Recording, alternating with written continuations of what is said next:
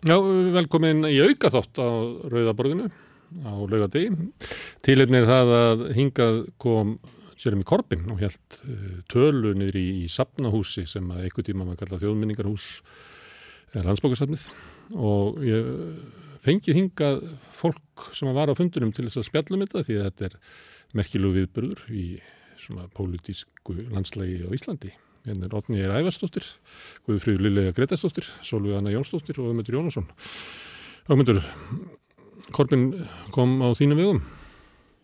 Já, þetta er reyndar lengi staði til að halda fund mm. með Korbin e, og nú var það því, hann var hér á landi og við vorum búin að skipulegja þetta frá því í vor að hann kemi á fund og fundurinn var velhernaður, ekki bara það sem hann sagði, heldur þegar ég horfið til salarins það var stútföldu salur þetta hafa verið um 200 manns sem komist hann inn í salin hérna á gamla landsbókasaflinu og mikil stemning.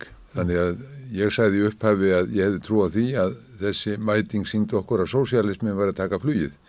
Og eftir að fundurinn var yfir staðin þá er ég enn samfærðar um það. Að þetta hafi verið fræ sem að munu vaksa Mér var skaman að horfa við salin þannig að sámaður þá er hann að kratar og, vafki og villikettur og vafki, fólk úr verkefliðsreyfingunni, anarkistar, alls konar fólk í sannum.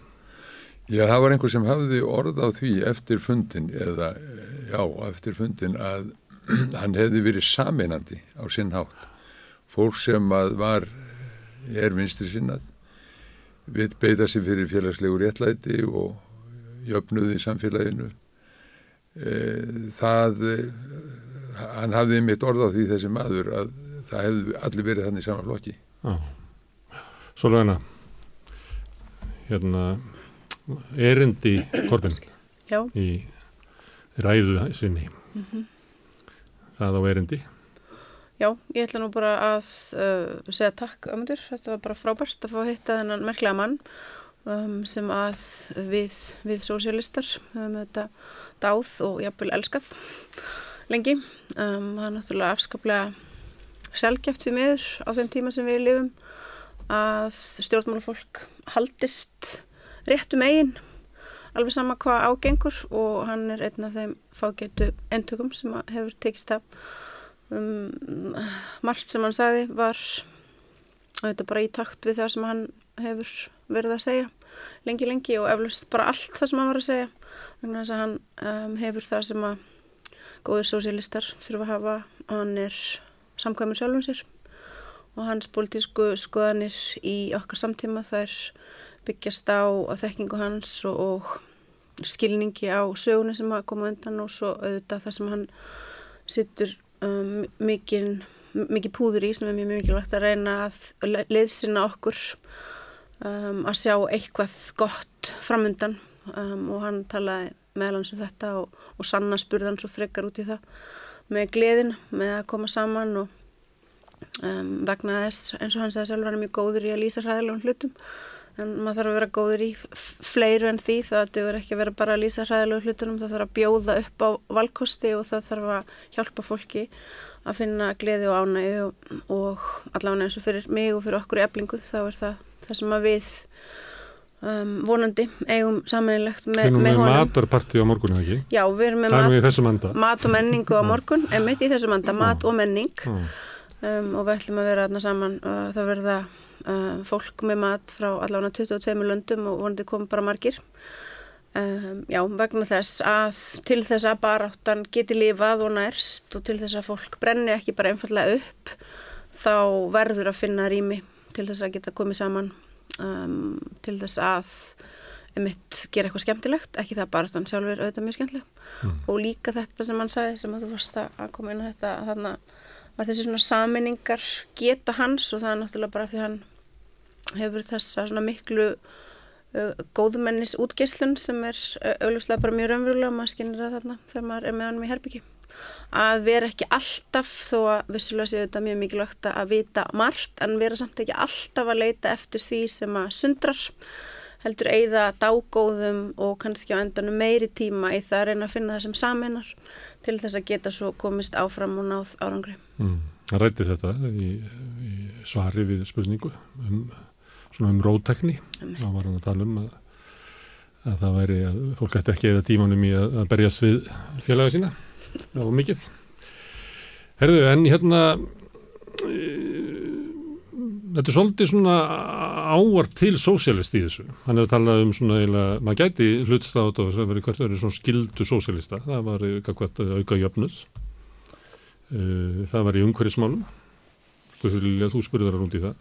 Og svo um frið sem að var svona, maður væri hægt að að, að kalla hann að við verið að tala um svona í þremur köplum og mikið um svona uh, umhverfismál og lofslagsvá og þá kannski spurningin sko, Lilla, hvað er, hvert er hlutverk sósélistana í hvað þeirri vá? Er það öðruvísi heldur en bara kurra annara sem að finnst vænt um umhverfi og náttúru? Já, það hlutverk uh, er náttúrulega bara uh, hjartað, myndi ég segja, í því að baráttan gegn eðileggingu uh, lífrikis okkar á jörðinni. Það er svo sannarlega ekki bara loftlagsváin, það er svo margt annað sem er að eðileggjast og það er ekki einhvað sem fyrir maður að býra eftir, það er að gerast akkurat núna. Það er trillt eðilegging á, á skólendi, á dýrum, á, á hérna, öllum, öllu því sem stiður við líf á jörðinni. Uh, og það er náttúrulega stór uh, kapitalið og þetta kapitaliska hagkerfi heimsins sem að drýfur það áfram. Það sem einmitt eins og Korpen uh, nefndi og, og talaði um, þar sem framleiðslan og allt þetta kerfi er drýfið áfram með einn tilgang, eitt markmir, sem er skamtíma gróði í þáu hverja, ekki í þáu almennings eða venjulegs fólks, hvað þá þeirra fátökustu sem oft er hérna uh, hverra líf uh, hangir á bláþræði út af þessum gróða. Nei, það er í þáu hérna allra ríkustu og, og stjartfræðilega miskiptingin sem að sko hvorki Adam Smith hérna nokkur gamaldags kapitalisti hérna á fyrritíð hefði geta ímyndað sér. Svo, svo stjartfræðilega miskipting sem horfum fram á í dag, hún, hún, hún bara tekur ekki nokkur tali. Uh, þetta er það sem er, er fyrst og fremst að eiðilegja gjörðun okkar og einhvers konar umhverfisvernd sem er ekki með uh, jöfnuð og jafnrétti og réttlæti, félagslegt réttlæti sem intak sinnar stefnu. Hún er bara pínlítið mjálm út í loftið og hún mun aldrei ná markmið þeim markmið sem þurfum að ná. Og það er gríðalega mikilvægt að það er ekki bara um loftlagsóknina sem einmitt er verið að gera að gróðamaskinu líka uh, og, og grænþvott uh, í, í þá uh, gróða hinnar ríku enn og aftur. Heldur um allt hitt. Jáfnveg þótt að allar eigðileikingar vélar heimsins eru drifnar áfra af, af, af sólororku þá verðum við samt að eðilegja dýrin og útrýma þeim og útrýma visskerfum og svo framvegist. Þannig við þurfum að taka þetta alveg rosalega grunn, grunn umræðum um þetta og það náttúrulega gerir hann og hvað gerist þá? Þetta finnst mér líka svolítið svona stef sem að við komum bæði, bæði inn á augmundur og, og solveig Anna. Hvað gerist fyrir þær rattir sem að taka upp innmitt þennan málstað og ná til fólks? Menna, það var náttúrulega stórkostlur sigur hjá Korpin í Breitlandi mm. uh, á sínum tíma. Jú, það er uh, öll, allt stopnunaveldið, allt fjölumeraveldið uh, hérna sko, fer í kerfispundna allögu að mannorði þessa fólks Uh, með sko ólíkinda hættu þar búið að gera margar rannsóknir ekki bara Korbin heldur einsum öðrum um hvernig hans málfylgningur var algjörlega settur á skjön við, við sannleikan og, og það sem að framkom þetta náttúrulega sjáum við gerast í svo mörgum öru löndum og það er það, það, sem að þarf að, að í rauninu komið vekk fyrir er að það gerist eins og gerðist hjá Tony Blair, hann og einmitt var fórsætsræður þegar ég átti heim í Breitlandu sínu tíma. Því að auðveldasta leiðin þá fyrir vinstrið er að ganga til liðs við anstæðingarna mhm. eins og Tony Blair gerði og eins og allt og margir hafa gert við það um heim uh, það er bara miklu auðveldara. Og, og litaða og málaði einhverjum búning sem á að heita einhvers konar jafnbreytistefna og, og jafnaðastefna en er það ekki. Og þetta voru gríðarlega mikilvæg skilubóð á fundunum í dag líka og, og ég ætla líka að fá að þakka þetta fyrir, fyrir að bjóða Gorbin að tala við okkur öll. Mm. Og því að það er tannendum svona meðferðina sem hann hefur fengið að þá er það svona von í því sem hann að segja og hann er von alltaf í sósælismunum, hann er ekki sensnum að sé von í honum, en það er samt svona, hangið þetta einmitt yfir að hvað anstæðingurinn er sterkur og hann náttúrulega talaði um það. Anstæðingurinn er bara hryllilega sterkur. Jú, hans talaði um bara raunverulega varangreilega mjög sár auðvitað bara og, og hugsi yfir því meðferði sem hann hefði orðið fyrir að lendi í því að reyna að vera málefnalegur, þetta er maður sem er málefnalegur og leggja, hérna, setja sitt mál fram vel og lenda svo í því að það sé gjörsamlega tekið úr samengi, þú ert að segja. Og hann sagði sko til dæmis var hann spurður um hérna uh, hann hefði eitthvað verið sakaður um gýðinga anduð og hann sagði bara aldrei nokkuð tíman hef ég bara, það verið einu sér sko kvarla að mér en ég talaði um Palestínu að, að auðvita væri bara rasismi öllu tægi neikvæður og það bara fór þessa leiðina, það fór það bara byllinis í hérna og svo nefnir hann náttúrulega að fjölmiðlarnir hafa verið uh, eru engaregnir og eru í höndum auðmanna meir og minna allir þessi samfélagsmiðlar. Það fekk ekkert skarri meðferð á BBC. Nei, nei, nei, það er svo alveg rétt, en, en það er líka bara þessi hugsunarháttur, þetta þessi hugsunarháttur sem, a, sem að tekur úr samhengi og það sem ég fannst merkilegt, kannski þetta var alveg stór merkilegu fundur, sko, ég eiginlega glósaði þetta, mér leið svona eins og ég bara, ég er það einhvern veginn að punta allt hjá mér, ég hérna, komið svona halgjörn krampa í vinstur höndina, en það var, ég var eitthvað að draga hverju verið essensin, það var hérna annars verður þetta að ganga ekki til liðs við óvinnin heldur ganga að sagt, vinstri fólk eða sósialistar í hugsun ætti að hugsa alltaf um þetta sem saminar og hugsa um andan að reyna að vera hérna um þetta orð káta andóf þetta svona vera í, í gleðinu og, og, andanum saman, sjá það sem saminar en um leið var það ekki eitthvað svona ónákvæmt málamiðlunar andamjálum eins og þú segir, það var opaslega nákvæmt, hann leggur hann fram prinsip sem hann er búin að vinna með, hann býr til ákveðina heimahöfn fyrir fólk sem að sumir þrýfast í flokkum, aðrir ekki Sumir hent út úr flokkum Sumir er hent út úr flokkum og sumir er í þessum flokki og hann er eiginlega skautað algjörlega framhjóði hvort að sósialismin þyrta þrýfast endilega í flokki, Þa, það er bara, hann er hann er þeir sem er, þeim sem er hent út af flokknum, þeir stopna annan flokk eða þeir eru bara úr verkefliðsreifingunni eða í þrýstuhópum almennum eða hvaðina og hann laði fram þetta prógram sem hann hefði unnið að í mörg ár, uh, fimm atriði. Og þar náttúrulega bara það þýðir ekki að gera neina málefmiðlanir, í sósjálfum þýðir bara ekki að gera neina málefmiðlanir varðandi það. Mm. Það var það ekki rétt hjá mér, voru ekki fimm, svo var hann nú komin út í sjö atrið, myndi ég segja, hann sagði þetta væri fimm, en svo voru þið nú alveg orðin sjö. Já. Þetta var mjög þægilegt hér fyrir á tíð, eh, svona kringu 1970 þegar að voru ótal margir vinstirflokkar og það var marxistadnir, leninistadnir og trótskýðistar og, og svo ef að mennurðu ósamála þá bara bættur einum staf við sko, mm. ML og LM og, og svo framvegis. Og en, líka margir krattaflokkar. En, en, en, já, en, en, menn voru mörgum flokkum en aldrei hefur vinstirhefingin verið einn sterk og þá vegna þess að það sem menn höfðu svona í maganum og í hjartanu eru samfæringu eru samfæringu og þe þessi samfæringu, þessi barata hún breytti samfélaginu.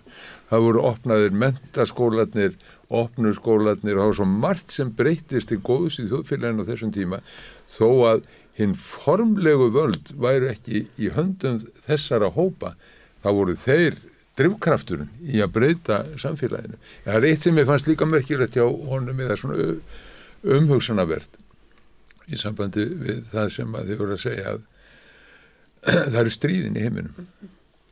Hann nefndi 30 stríð, ef ég heyrði það rétt, 30, það væri 30 stríð. 40, 50. Það bara fleiri, ó, já, eflaust. Og einhvern veginn hann er svo að sósistar hefur skildu gagast því. Já, og, og, og þetta er allt það. Á tíma þegar stríðir í tísku. Já, og Indonesia e, og, og hver var drivkraftunni þar var ráöfni það, það var verið að stela ráöfnum það er Kongo það er líka ráöfna stríð og þetta er náttúrulega vandin um allan heim það er þessi ásælni í ráöfni og það er eftir eftir uh, stórkapitalið á ferðinni. Vegna þess að nýlendu stefnan hún er ekkit horfin. Hún er bara, hún er bara í öðrum föttum hún bara klæði sig öðrum vísi Saðan ekki bara, er ekki komið tími til að, að, að hérna tala um orsakir flottamannavandans í staði fyrir að, að nýðast á fornalömbunum sem eru alveg rétt. Já, og þekkja söguna og þegar þekkja söguna þá fór hann bara í þreilaldi og byrjaði þar. Já, já.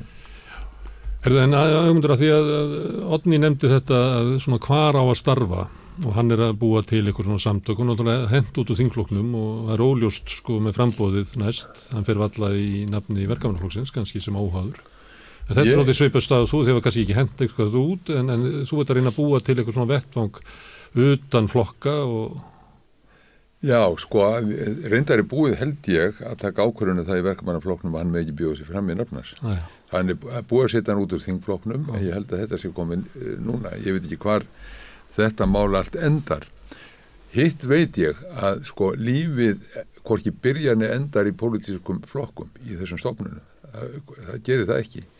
Eh, hvernig fór ég út? Ég, ég eh, gerði mínum flokki þann greiða að, að, að losa þau við mig og, og, og mig þann greiða að losa mig við flokk og, og þá bara byrja ég upp á nýtt og, hvað gerir maður þá? Maður fer að tala e, þar sem allir eiga að vera talandi, það er í græsrótinni, það er bara við fólk og eins og við erum að gera þarna. Og þá kemur bara á daginn að að farið að tala um þessi grunngildi, jöfnuði samfélaginu, húsnæðismálin, vatt fyrir alla og svo framvegis, heyrðu, þá eru bara allir samála. Það eru bara allir samála. Og, og menn hafa bara gleyma þessum flokkum í byli og horfa bara til þess sem þá saminar sem er bara áttan fyrir þessum málum. Það er verið að stela af okkur vatninu, ramagninu, það er verið að taka heilbriðiskerfi smá saman og, og, og, og búta það niður. Mennur að stæra sig að því að, að aldraðir og börn fái hérna ógefis í hilsugjæslina flott segi ég.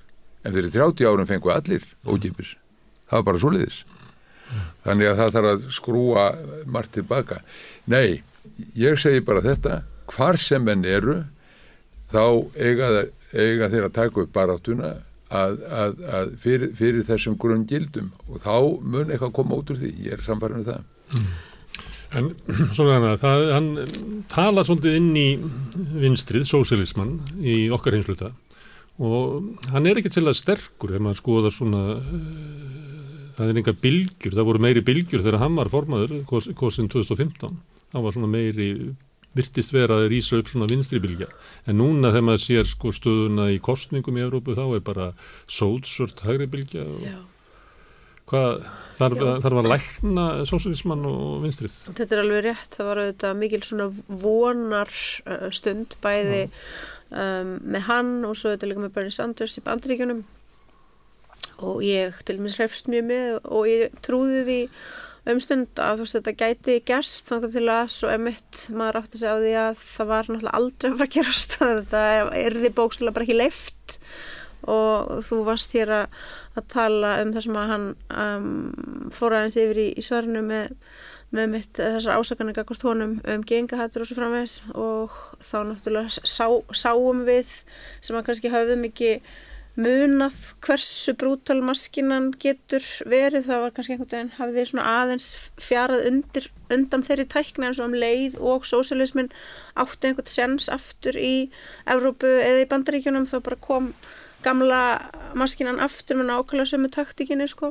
þannig að já það var auðvitað og er mm, sárt að þurfa að horfa stjögu við það að emitt svona bylgjur Mm. um, það er bara settur upp veggur til þess að láta það einhvern stranda á en En er hlutalækningin að átta sig á því hvað anstæðingurinn er auðvunlega miskunnulegu svo Ég held að það sé bara mjög mikilvægt þannig að kannski má þá segja að um, þú veist, sá lærdómur hann, hann þurfti að koma fyrst að veröldin er eins og hún er þá þýðir ekkert annað en að horfast í augu við hana og, og átta sig á því og reyna þá einmitt að læra af þeirri sáru reynslu og gera hlutina bara betur næst. En ég minna já, guðum og góður, það er náttúrulega hrikalegt að, að horfa á ástandi bæði bara í okkar landi og svo um, í löndunum í kringum okkur eh, bandaríkjunum. Hvað í óskopunum að gerast það fjara eins og ámyndu var hér að fara yfir það, og, og korfin var náttúrulega að ræða að það er verið að taka allt af okkur allt sem að barátta alþjóði fólks um, tryggði að væri í almanna eign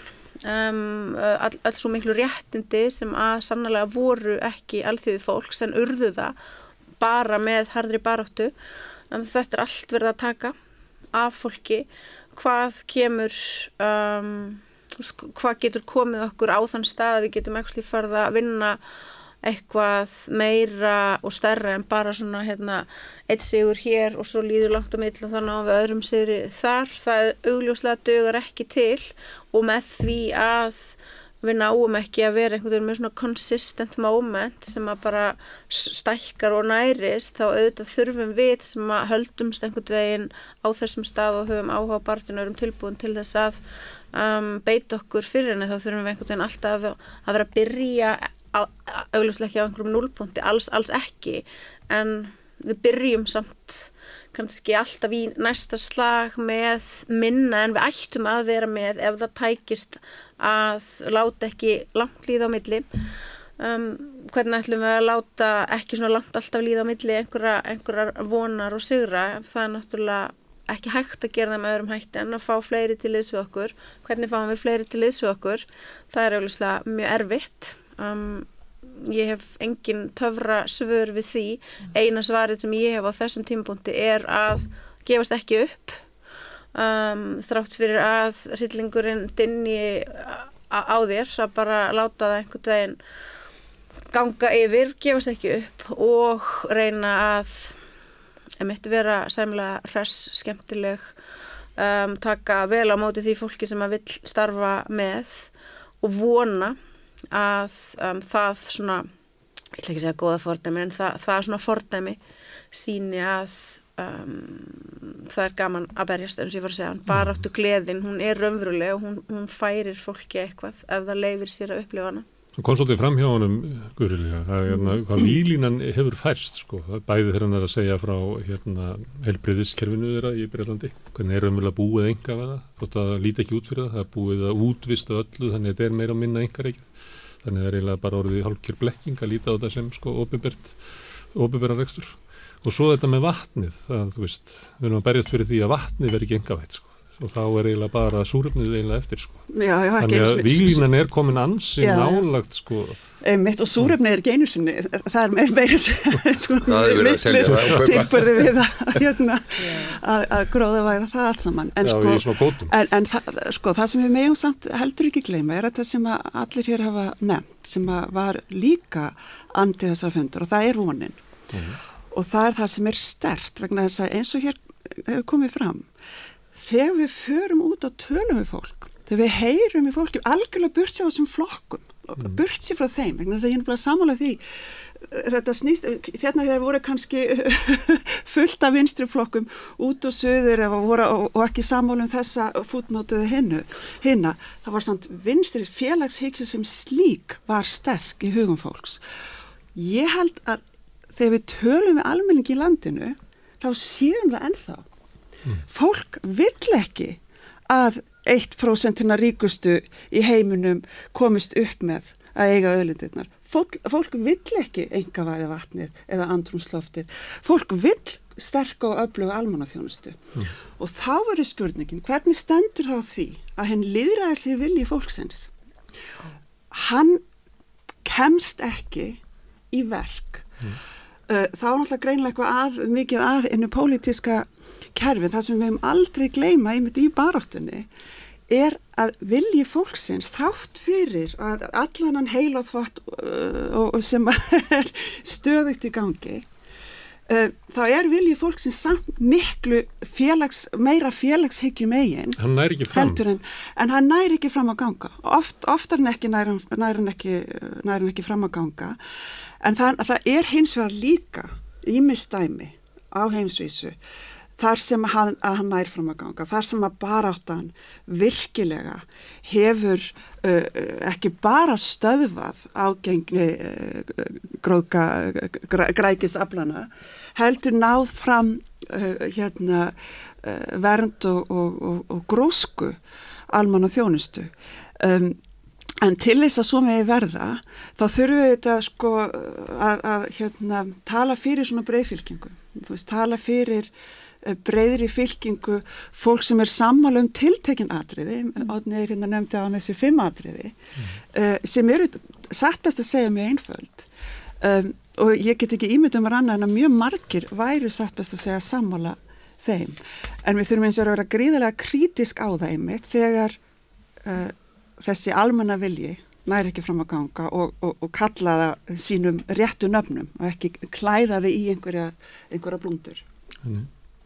Ég er ekki að tala á móti voninni, ég er bara Nei, ég veit það. til þess að við getum haldið áfram þá verður það að hafa vonina Já. við líka að hafa raunsæ. Já, Og raunsæi eiginlega ekki 100%. vonina því að ef að raunsæi fyrir þá ertu bara komið með falskar vonir og tóma villisum. Já, en hvaða raunsa er þetta að tala um hvaða raunveruleika er mitt þegar að upplýsingarnar eru þannig eins og segir, fólk er kannski uh, all, ef, ef, ef að menn eru spurðir, þá auðvitað vill enginn gera vatn að uh, vöru eins og hann nefndi bara eins og var, hann sagði í Bretlandi þá er bara að fara að líta á vatn sumstaðar sem vöru en ekki mannréttindi. Og allt sem hann nefndi sem svona eiginlega absúrt sem er að gerast í Bretlandi þá hugsaðum að já, þetta er nú eiginlega bara algjörlega búið að gerast hér. Og, og hann, hann, hún fannst allir Íslendingar tala svo góða ennsku, við verðum svo vel mentu þá langa mannútlega bendunum að við værum þess að bara horf, horfum svo mikið á ameríska bíómyndi við, bara, við tækjum mjög margt upp þarna en, en byrju nú fór ég alveg út að já, já, já, þá var þetta sem sagt ef menn eru spurðir ég hugsa bara allir með þess að ekkert mjög margir viti hver er staðan á vassbúskapunum á Íslandi. Hver, hver eru sem þú hefur verið að tala um auðmundur lögin um vatna þurfum að endur skoða þau. Bara við, ég held að við vitum ekki einu sinni að hvað raunverulega við erum hætt í hættu stödd varðandi okkar auðlindir og hvaða er hérna og þá kemur einmitt til bara kastana mentakerfisins og, og fjölmiðlana og þessar upplýsinga allra er ekki Jú, tekina fólki og- umræðu. En ég held að þetta hafi í málsinn sem að Guðfrýri Lilli var að benda á með almannaviljan, hvar hann liggur sko, að hann er mjög sterkur og ég held að sko ástæðan fyrir grimmt kerfisins sjálfu sér til varnar er veikleikið þess.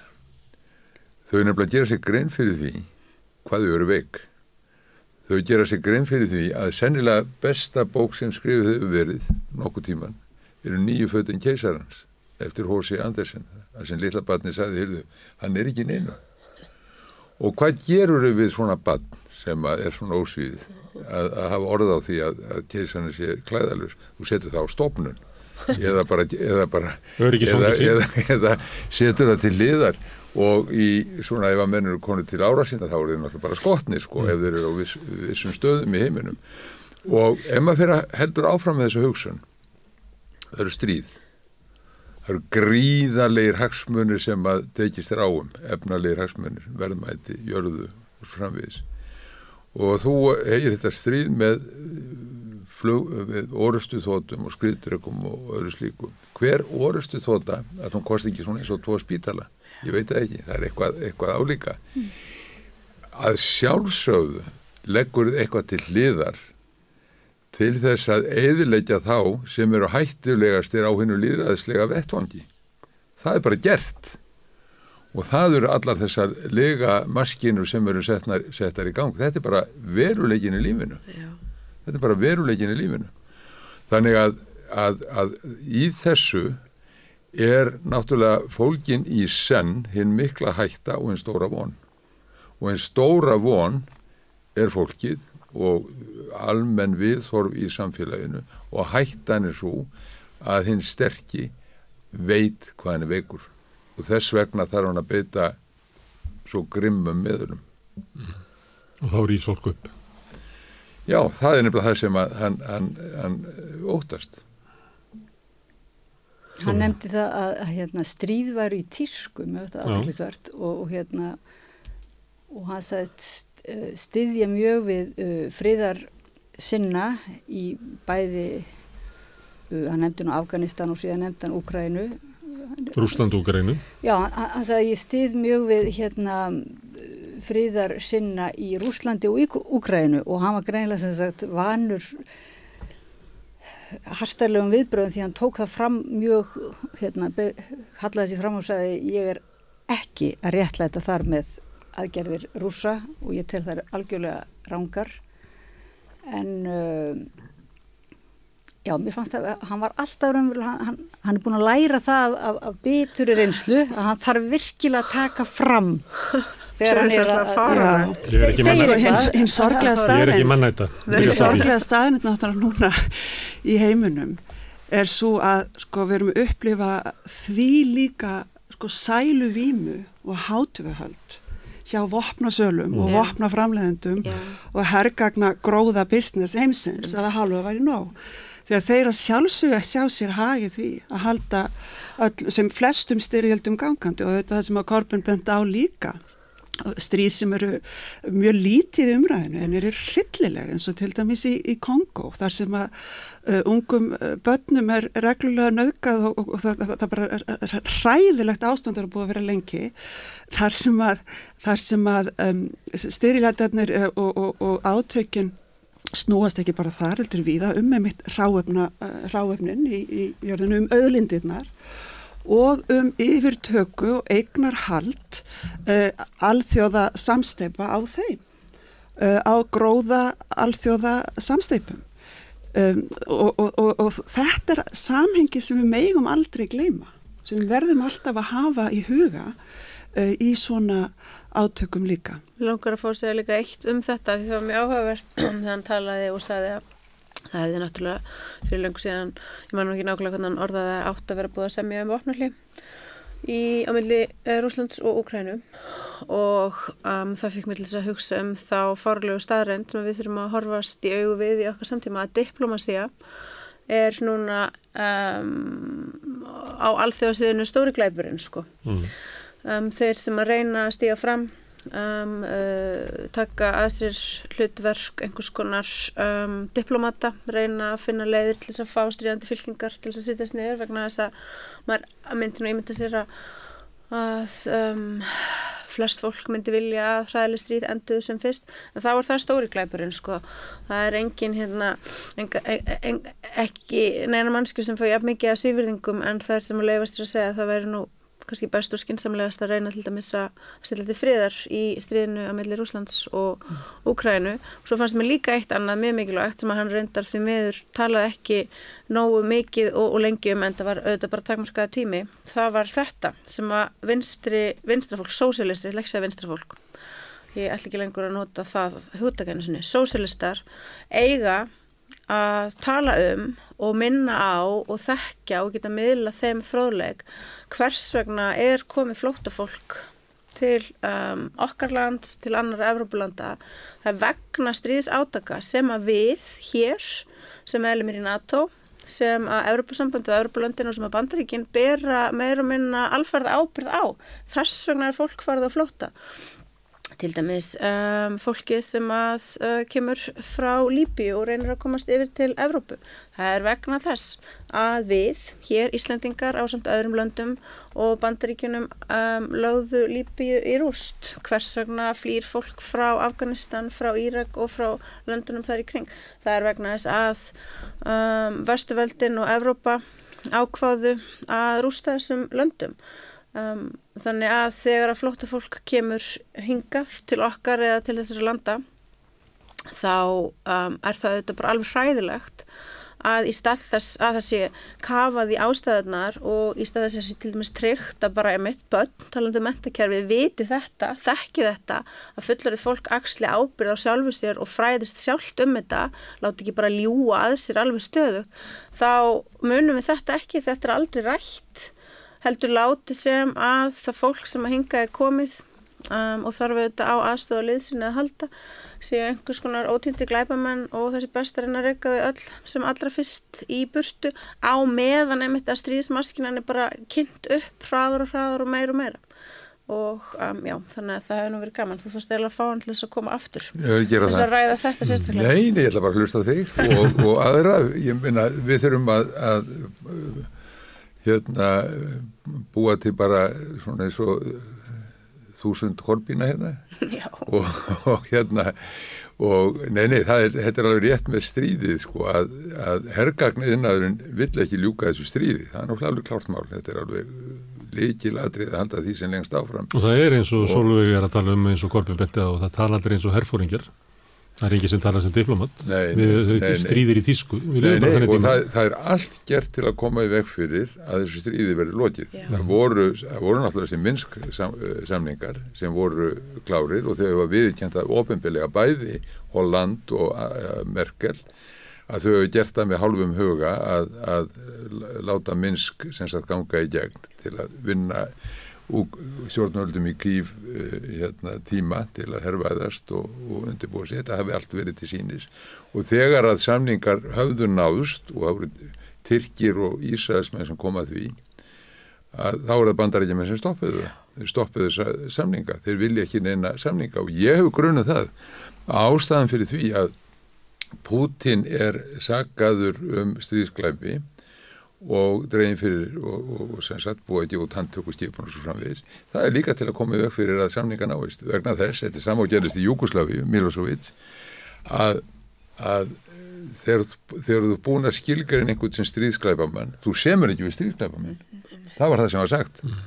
og þetta er það sem er, er sagt vantanlega uh, núna líka og þetta er óhugnaðurinn í þessu að þeir sem setja í morg þúsund kilómetra fjallag og hvetja til áframhaldandi eh, mannfórna. Það, það er óhugunlegast að hlusta að það fólk finnst mér. Auðvitað á bara ljúka þessu stríði þegar í stað.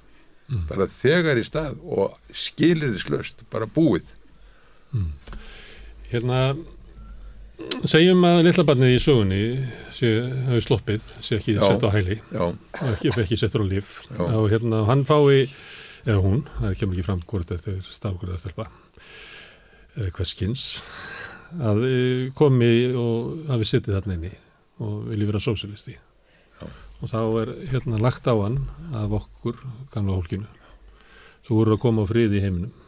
Þú voru að leysa umhverjusvonna þú voru að bjarga tegundunum sem að kapitalismin er að heiða og þú verður að stoppa stjættastrýð hérna hinn að ríku sem er að ganga frá almenningi döðum Þetta er svolítið stór bali sem að lillabarnir fyrir með.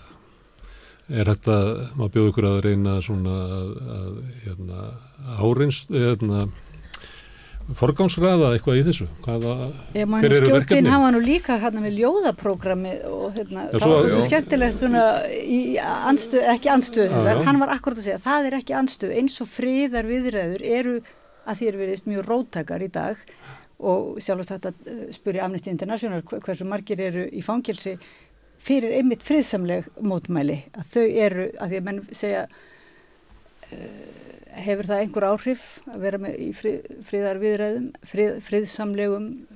En þá verðist að hafa einmitt mjög mikil áhrif því það ræðir mest. Þar hann talar um friðarviðræður og ljóðaprógram hann semst hefur verið að taka þátt í að, að koma fót til þessi raunverulega hann segir það þarf ekki bara einhverja marga korfina, það þarf bara marga semst að ein, einmitt ekki að persónu gera samlega heldur það eru svo margir sem að uh, börnin þurfa bara að læra það er það aðalega sem þau þurfa að læra það er þeirra helsta, svo eru þessi, þessi bali, það má bara líta þetta sem hérna svona lítill visku kistill sem að hérna hinn er eldri réttum barninu, þetta eru svona leiðarhnóðin en, en, en aðalega var þetta lærdómurinn við barnið, þú skalt þóra að tjá þig, þú skalt þóra, að standa með safæriðinguðinu þetta áherslan í tengslum við ljóðin á mm. ímyndunarnafli ímyndunarnafli og kreatífuna skapandi og, og leifa sér að segja hluti sem að virðast alveg út úr allu kortin er það kannski alls ekki. Ég var nú lítið barn á ráðstöfn út í Vínarborg í gæri, ég kom í nótt einn og þá hérna var ég með eina tilugur svona ef ég væri, væri verkfræðingur sem fengi það verkefni að endur skapa heiminn og þá myndi ég taka, sagði ég, ég myndi taka landakortið, heimskortið og rýfað allt upp. Ég myndi segja að 50 ríki varum miklu betri en eitt samina bandaríki. bandaríki. Ég myndi sundra Rúslandi, Kína, Indlandi, öllum þessum stóruríkjum myndi sundra þeim. Ég myndi taka Afríkukortið og horfa á það og sjá að það er allt gert með reglustryku og hvar var þeirri reglustryku breytt? Að sjálfsögði í London, í London og París og kannski eitthvað í Berlin og alveg óháð því hvað, hvað þjóðir, menning, vilji fólksins, allt óháð því. Þetta er bara allt á forsendum gamla nýlendu veldisins. Ég vildi rýfa þetta allt upp og endur skapa þetta Ég var sem, með öðrum orðum bara lítið barn sem var hérna inni og ég er alveg viss um það að þessir hugaróra mínir þeir verða veruleika einhvern tíðan. Má ég aðeins koma inn á þetta vegna sem er mjög hérna, mikilvæg umræðanlega um, um skálskap. um ímyndunaraflið vegna þess að oft er einhvern veginn látið verið vakum og þetta sé svona einhver auka, þetta er svona auka búklen við okkur mannesku við það sem þarf að gerast. Og nú er ég sérst búin að búa í Fraklandi í meirinn tíu ár og fylgst mjög mikið með svona rótækum frönskum hugsiðum. Og það, þeir sem ég allavega held mest upp á, þeir tala mjög mikið um skálskap og um ímyndunaraflið og segja sko, ef við ætlum að velja millir þess að, að framleiða hérna áframhaldandi uh, sko, færibanda verkfræðingum eða, eða uh, hagfræðingunni eða að framlega skáld og segja þeir hygglust að framlega skáldin. Hvers vegna? Vegna þess að við verðum að geta ímyndað okkur annan heim.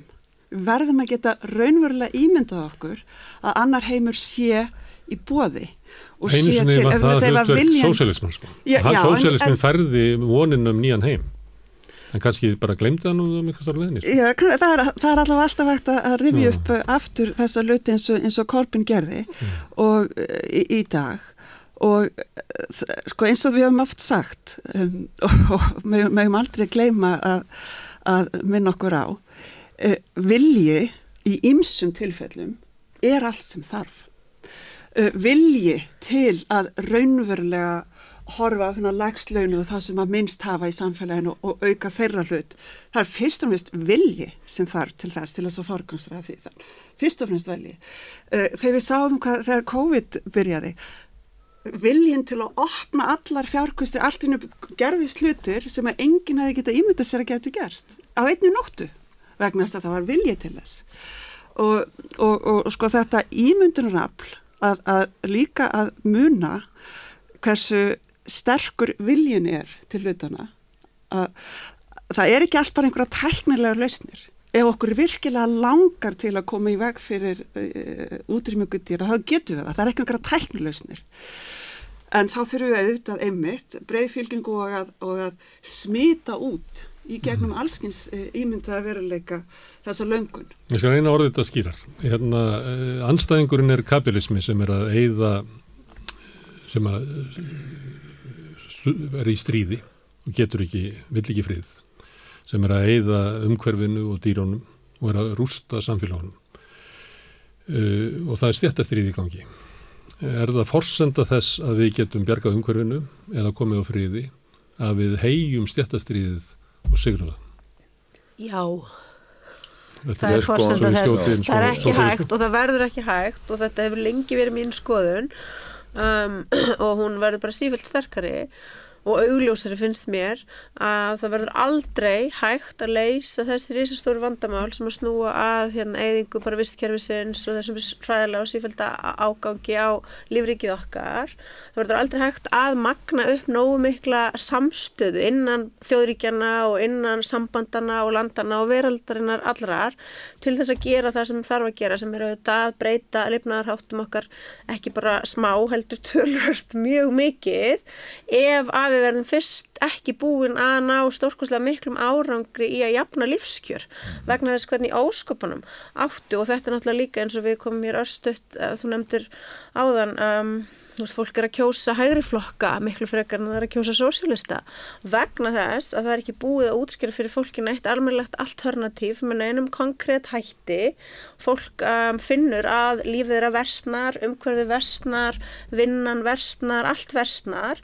Svo kemur einhver og offerar einhver einfalda um, laust sem að snýst um það að finna nýja hópa til þess að hata, til þess að passa að hatrið stjætta andúðin beinist ekki á þann stað sem hún ásannlega aðbeinast og ef við náum með mitt ekki árangri í að jafna lífskjör, í að um, láta fólki um, líða betur, um, gera lífbanna þægilegra, örugra, örugara, fylla þau að meira sjálfströsti, hvernig óskopunum höldum við þá að við séum að fara að ná nokkrum einasta árangur í þessu. Um, þannig að við erum ekki að fara að geta breytt því sem þarf að breyta nema við tökumst fyrst á við og vinnum stóra sigra í þessum svona grundvallar hryllingi sem að orsakar svo allan hinn hryllingin sem að er kapitalismin, sem að er um, misskiptingin og stjætskiptingin og sem er grundvallar element kapitalisman að koma fram við vinnuafli, koma fram við annað fólk eins og sé ekkert nema einnúta rusl sem að megi bara vinna sig í gegnum, tæta sig í gegnum og skilja svo hrægin eftir. Þannig að já, við þurfum sannlega að vinna að sigra. En er þetta ekki líka svolítið svona, sem sagt, hann, hann er bara skamlu segir, það þarf bara hátekjuskatt, það þarf að heitna, skattleggja ríkar, ríkustu og það þarf að jafna launin. Meðan að sko sósialistar eru og vinstri fólk er alltaf í vandraðegangi að því að það er líka alltaf sagt nú ætli þið bara að fara í hérna, kommunisman, er það bara Sovjetríkin gömlu, sko maður hugsa bara ha, er ennþá ef minnst er að sósialista, þar maður ennþá að tala um að það sé ekki maður sé ekki að stefna að Sovjetríkjónum þú veist, umræðan er svo fátæklega einhvern veginn að að mér finnst það bara mikilvægt að það sé hægt að segja í staðan fyrir alltaf að þykjast eða verið vandraði gangi yfir jú, já þar, þar nú auðvitað, auðvitað þarf að skatleiki, auðvitað þarf að vera stjættabaróta auðvitað þarf að jafna hérna. Það þarf að hérna. kenna börnum listur og menningu, það þarf líka að kenna börnum sjálfströst, það þarf að kenna þeim, útskýra fyrir þeim, þetta er svona út af þessu, þannig að þegar barnið mætir og heyrir áróðurinn eða þú veist, fær einhvern veginn yfir sér holskefluna af byllinu, þá veit barnið eitthvað og getur svarað í og er ekki bara einhvern veginn eitthvað auðtrúa flón mm. sem að hægt er að fylla með lígum og áróðri. Þetta er þetta á ábyrð fullanins fólks, það er ekki hægt að sleppa því bara að kenna börnunum eitthvað um heiminn eins og hann raunverulega er og það er ekki hægt að útvista þeirri ábyrst til nefna foreldrarnir sjálfur verða náttúrulega axla hana. Þetta er að sósélistunum verið hliftin í bandaskólan að kenna þetta? Mér finnst það ósennilegt, en hvað veit ég, kannski að það ætti að mitt að reyna að fara eins og sósialistar í borginni sannáð þau hafa nú lagt til einhvers konar fræðslu um ójöfnuð, um, ójöfnuð uh, um það einmitt hvað gerir það að verkum að þetta barn, þessi fjölskylda fara til útlanda fjórusunum á ári eiga tvær íbúðir lifa bókstöla eins og aðall fyrir alla á meðan að þetta barn Um, hefur ekkert af þessu og sér raunverulega lífskeiði sín og sinnar kannski einstæðu aðfluttum áður bara versna með hverjum deginum. Og þetta snýstu auðvitað ekki um það að fara að mála um, velsetta batnið upp sem eitthvað glæpabatn og hitt sem eitthvað fornarlamsbatn, nei, emmitt, alls ekki. Heldur til þess að útskýra svo að þessi batn geti mögulega átt að segja á því að það veri betra fyrir þau og alla hérna ef að hérna vogarskálanar eru því jafnar tölvöld mikið. Fyrst að gildi sósialismans uh, komist inn í Vatikanið þá komast þau öruglegin í skónana líka eh, fyrir það síðar mm. en, en, menn, en menn lesa Laudato Si frá Frans Páva mm. frá 2015 eins og þú gerir öll þess pávabref eins og ég, ég, ég, ég las þetta Já, ég las þetta og var efins um það Já. hann segir bara óskup einfallega sko Já. að skaparinn hann skapaði ekki eitthvað fyrir, fyrir Wall Street mm. það eru allir sem mega vatnið Akkurat. og vindin Já. og ég held að bara fara að fara um kapitalista heimsins ef þið læsu þetta bref mm. Þannig að, að það er nú víða svona banda með þessara sjónamið. En finnst þér að þurfi svona andkapelíska baróttu? Að, að, að sósista þurfi að vera óvagnari við að útlista það hver er sökundólgur? Já, ég held að vera að gera það vegna þess að þetta er, sko við erum komin alveg út á hengiflugi. Það er verið að stela öllu steini léttara, ekki bara hér á landi heldur í heiminum öllum. Það er bara að gerast og þessi stríð sem við erum að heia, eh, þau, þau fjalla öllum þetta, þau eru öllum þetta. Og það er líka alveg hárétt sem að hér er bent á að þetta verður þessi, þessi vandi sem við stöndum fram fyrir í varandi ójöfnuð og, og mengun og, og, og slíka hluti svona það sem herjar á jörðina og mannkynnið, það verður ekkit leist Eh, með eh, meðan kapitalisminin látin ráða. Ég fór í svona smá tíma til, ég hef kannski nefnt þetta hérna áður við þetta borð, til Freds Magdóf sem hinga kom uh, og talaði þó með einhvern ársvipuðum fundi og þessu uh, fyrir nokkrum árum. Uh, hann hafi skrifað bók sem hétt það sem allir umhverju sína þurfa að vitum kapitalisma. Mm -hmm. Og ég var svo hrifin að þessum kalli að ég ringdi hann fyrir svona ári síðan og baði hann um að taka mig svona tveitja tíma seminar. Og við gerum það, við tölum saman á Sumi í, í tvo tíma. Og ég segi, akkur segjuru þetta að, að e, það verði að að meðan jöfnöður og þú nefnir rasisma segir líka rasismi verður að vera sögun áður en þú leysir umhverfisvandan ég skal segja þér að saðan og ég skal skýra fyrir þig hvernig náður í landakórsaðan að bandaríkjónum mertu inn á allan mengandi yðnað í bandaríkjónum hvar hann er? Akkurat. mertu síðan hvar eru svörtu borgirnar hvar eru fátakuborgirnar Heyrðu, þetta bara smetur það saman.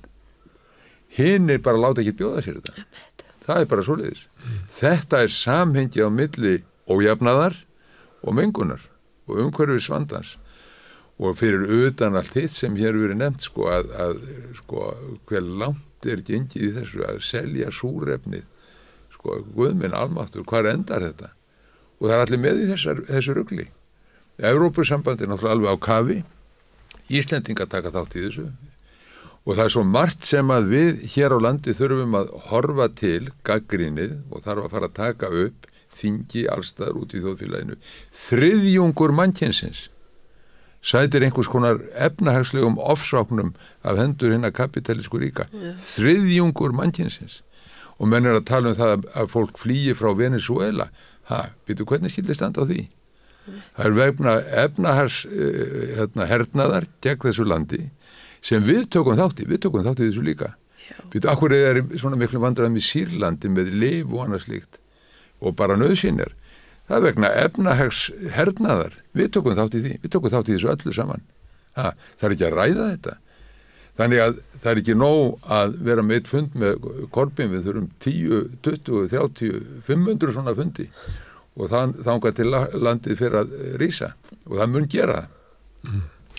Guðrún Lilja, þú varst í pólitík, svo hættir í pólitík Já. og þú er ekki rætt um pólitík ofinbjörlega fyrir núna. Það er rétt. Þannig að Korbin, Korbin hefur brætt af þér ísbrinjun.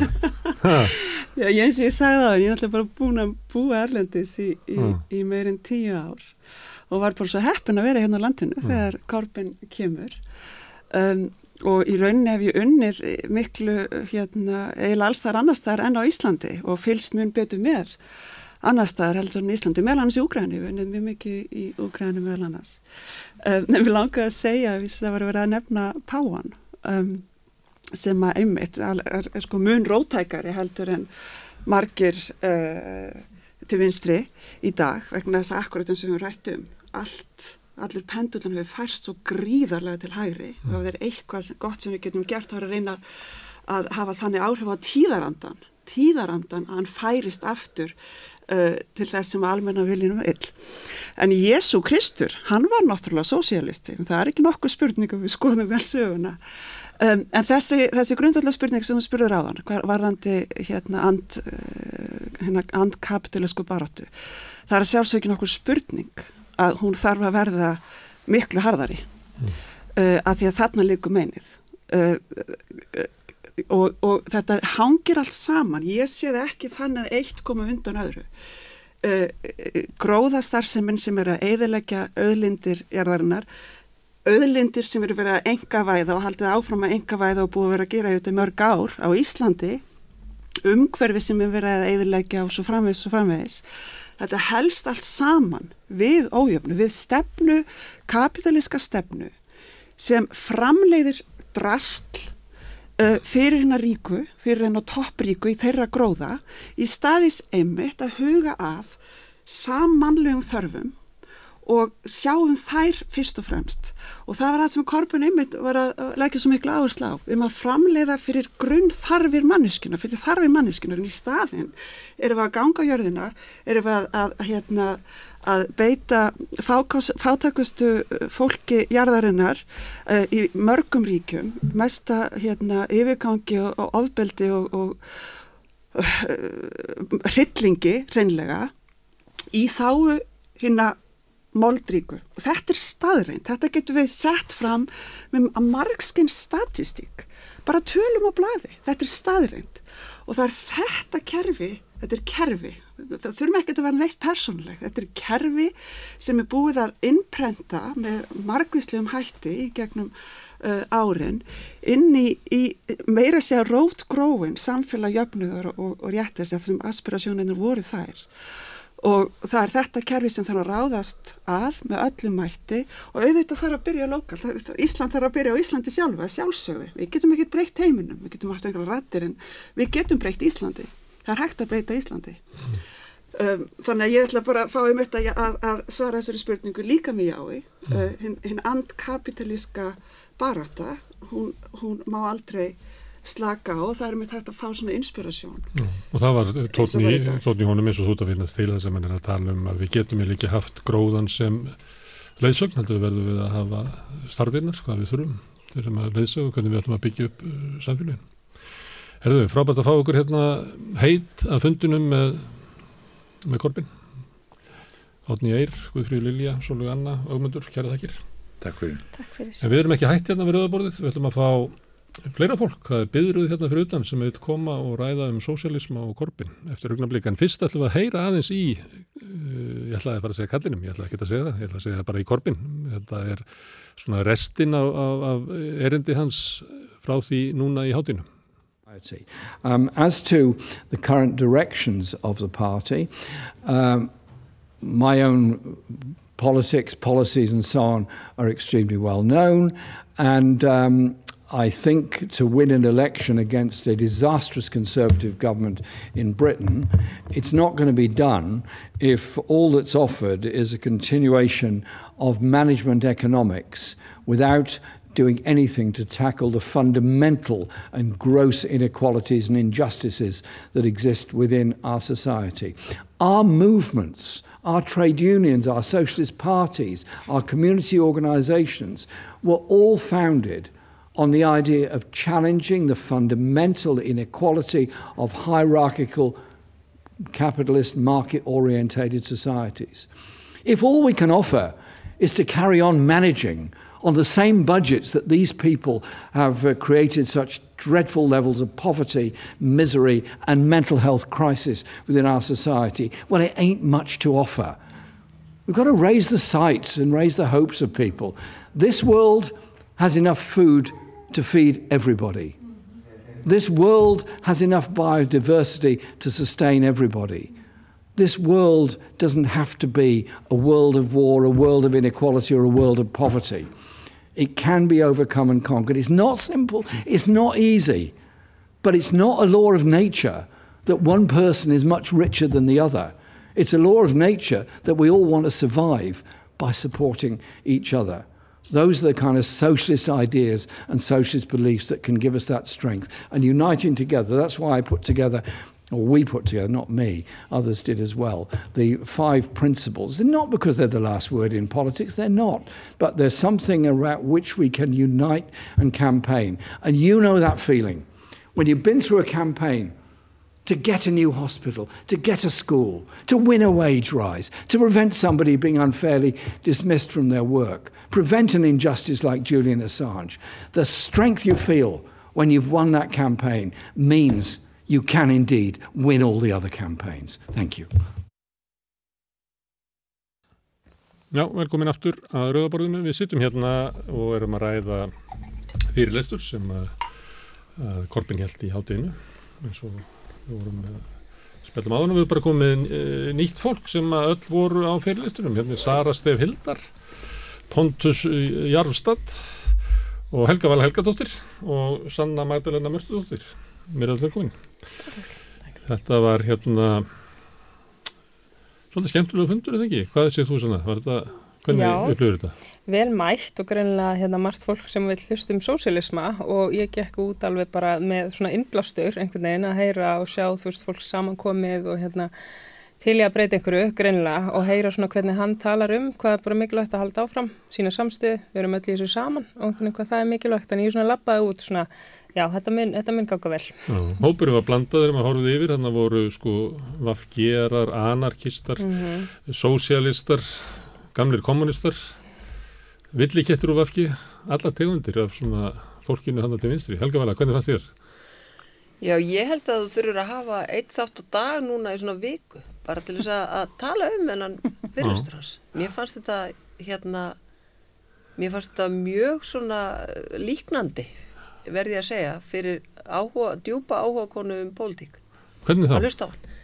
Af því að hérna mér fannst hann bara mér fannst hann bara fara svolítið á dýftina af því að pólitík er ekki bara eitthvað eitt pólitík er margt og samfélagi er margt og mér fannst það einhvern veginn, það var það sem ég tók úr þessu að sósialismin, hann, hann snýst um ekki bara efnaðarsmál, hann snýst um líka mannréttindi mm -hmm. grundvallaréttindi fólk til þess að hafa húsnæði grundvallaréttindi fólks til þess að flýja ofsóknir uh, og að við þurfum að taka þetta allt inn. Og mér fannst það einhvern veginn mm. mér er svo gott að heyra, mér finnst það skilsvölu máli. Fríð, umhverfismál? Fr, Fríðir og umhverfis mm. heldur betur. Það, ég meina þetta er bara þetta er bara svona stóðirnar okkar fyrir, fyrir samfélagunum og ef við ætlum að, að útiloka eina stóðina, við þorum ekki að tala um hana eða viljum ekki tala um hana eða hvað finnst það ekki merkilegt þá verður bara svona þá hallar. Við verðum ekki allt í einu. Við verðum að hafa þetta allt með mm. og það er það sem að mér fannst svo gott að, að lusta á hann að því að hérna já, mm. mér fannst það gott.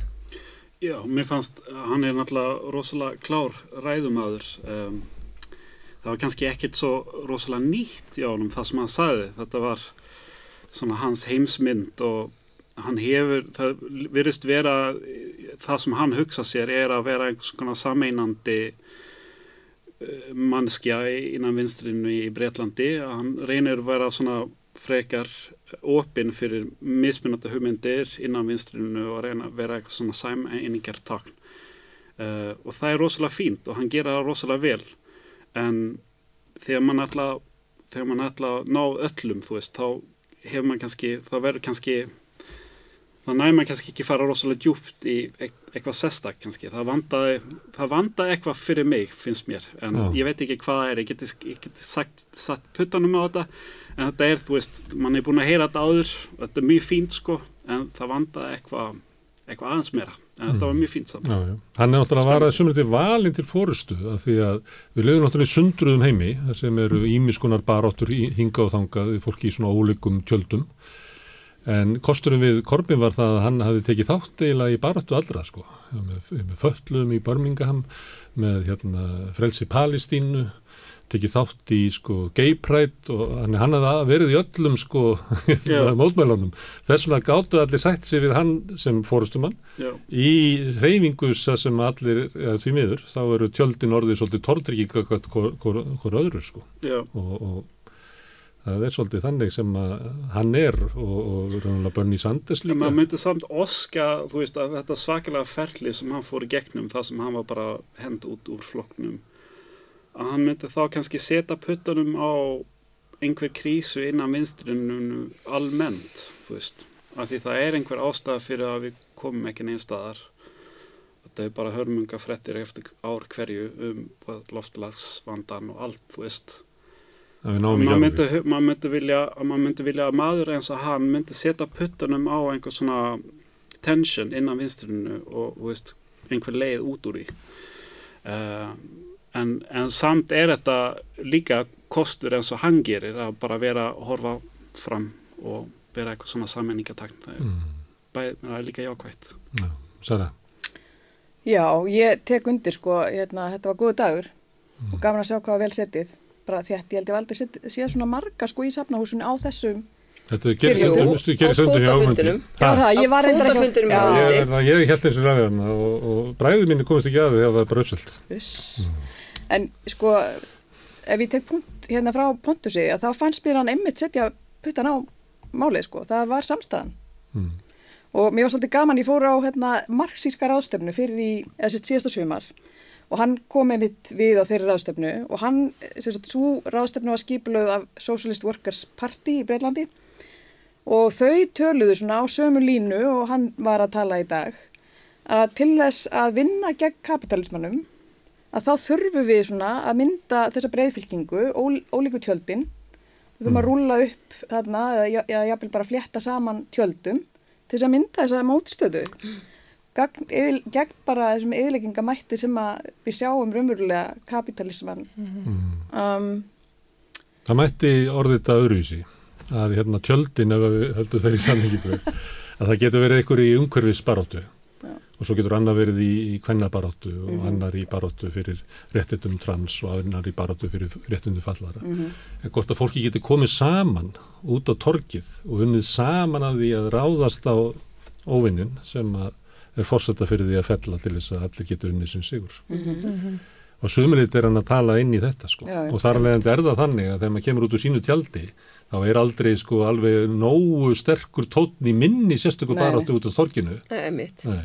En ég mun aldrei geta unnið neitt nema ég geta unnið með hinnum. Þannig að mér, er þetta ekki Jú, ég skilabóðum meina, mér honum? þetta fyrst mér bara góð hugmynd, sko. Já. Þetta getur eiginlega ekki verið vond hugmynd. Mm -hmm. Því að auðvaldi vill að við séum náttúrulega að rífast innbyrðist, þannig að þú veist eins og hann talaði um einhvern veginn hvaða er mikið svona hérna hostility, gagvart uh, flottafólki, að þá einhvern veginn við sjáum þetta á Íslandi, það talaði um að þau sem eru bara flýjarhæðilegar ástæður sé að taka eitthvað rúslega mikið frá fátæku fólki hér á Íslandi og við að byrja hér heima á fólkinu okkar, en við erum náttúrulega hluta starri heilt, þú veist, við erum öll hérna á þessari jörð og þú veist, við þurfum bara að passa allir hérna búið við mannsamandi aðstæður og það er ekki flóttafólki að kenna að öryrka séu fátækir, það er náttúrulega hérna auðvaldið og einhvern veginn stjórnmálastjættin sem að ver hagsmunni þeirra ríkra til þess að halda áfram að vera rík og til þess að það er einhverju að vera fátækur, þannig um leiðu að vera einhvern veginn miða hérna á einhvern sérstakann hóp og einhvern veginn segja þú veist, þetta er vandin, beini reyðinni að þessum viðkoma hópi sem er að stela einhverju frá ykkur, það er náttúrulega alls ekkert rétt. Meðan staðið mitt verið aldrei svona skilabúðin þannig einhvern veginn. Einmitt, algjörlega. Og, og þetta er að sama með bara heilbyrðiskerfið og húsnæðiskerfið og hvað sem er.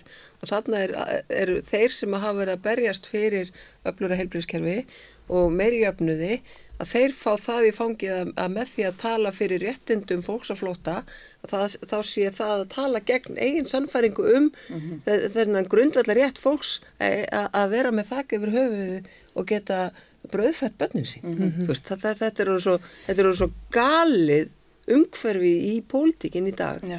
hérna á Íslandi, mjög grassarandi en líka út um allan heim Já. og þeir sem að einhvern veginn ætla að tala fyrir auknujöfnuði og lámarsréttindum fólks að geta lifað af það er orðið hrætt að þóra að standa upp fyrir öðru fólki sem líka stendur öllum fæti og það er einhvern veginn svo staða sem að ég, það, mér varst það, það einhvern veginn uh, opinberast svolítið á þessum fundi mm. bara rétturinn til að geta haldið með báðum Já, þetta Og er náttúrulega bara um einkenni að- svona umræðinar innan, veist, þess kapitalíska heims sem við Ég veit búum. það.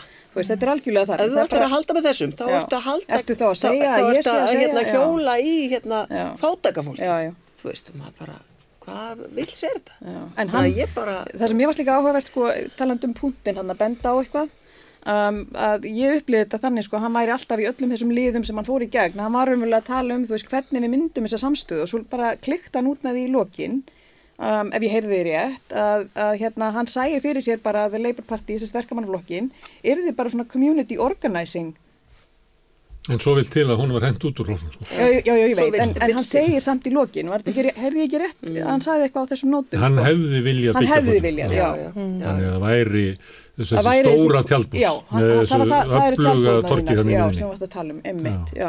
Og við erum með hluti af þú samfélagi vera inn í samfélaginu þú veist að þetta er, er ekki bara eitthvað svona já, svo fyrir við vinnuna bara stjórnmála fólki og leggjum fram einhverja tillögur heldur að við erum eitt svona alveg Raunverulegt virkur lýðræði. þákvæðandi og inn í hérna, inn í nær samfélaginu til að geta vita bara hver er í gangi líka. Sósialismi er náttúrulega líðræði. Þannig.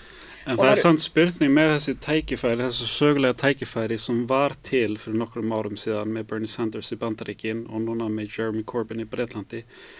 Er spurning hvort það kemur aftur og fólk voru að setja rosalega mikið orku í einhver vonandi stjórnmálapolitíkin með flokkspolitíkin að það væri hægt og endur nýja vinstilinu innan þessi gamla verkelís uh, jafnaðaflokkar en það er bara spurning hvort það hefur mistekist e og ef það hef, hefur ekki mistekist hvernig komum við stu úr þessu uh, stað sem er núna það sem ekkert er að gerast.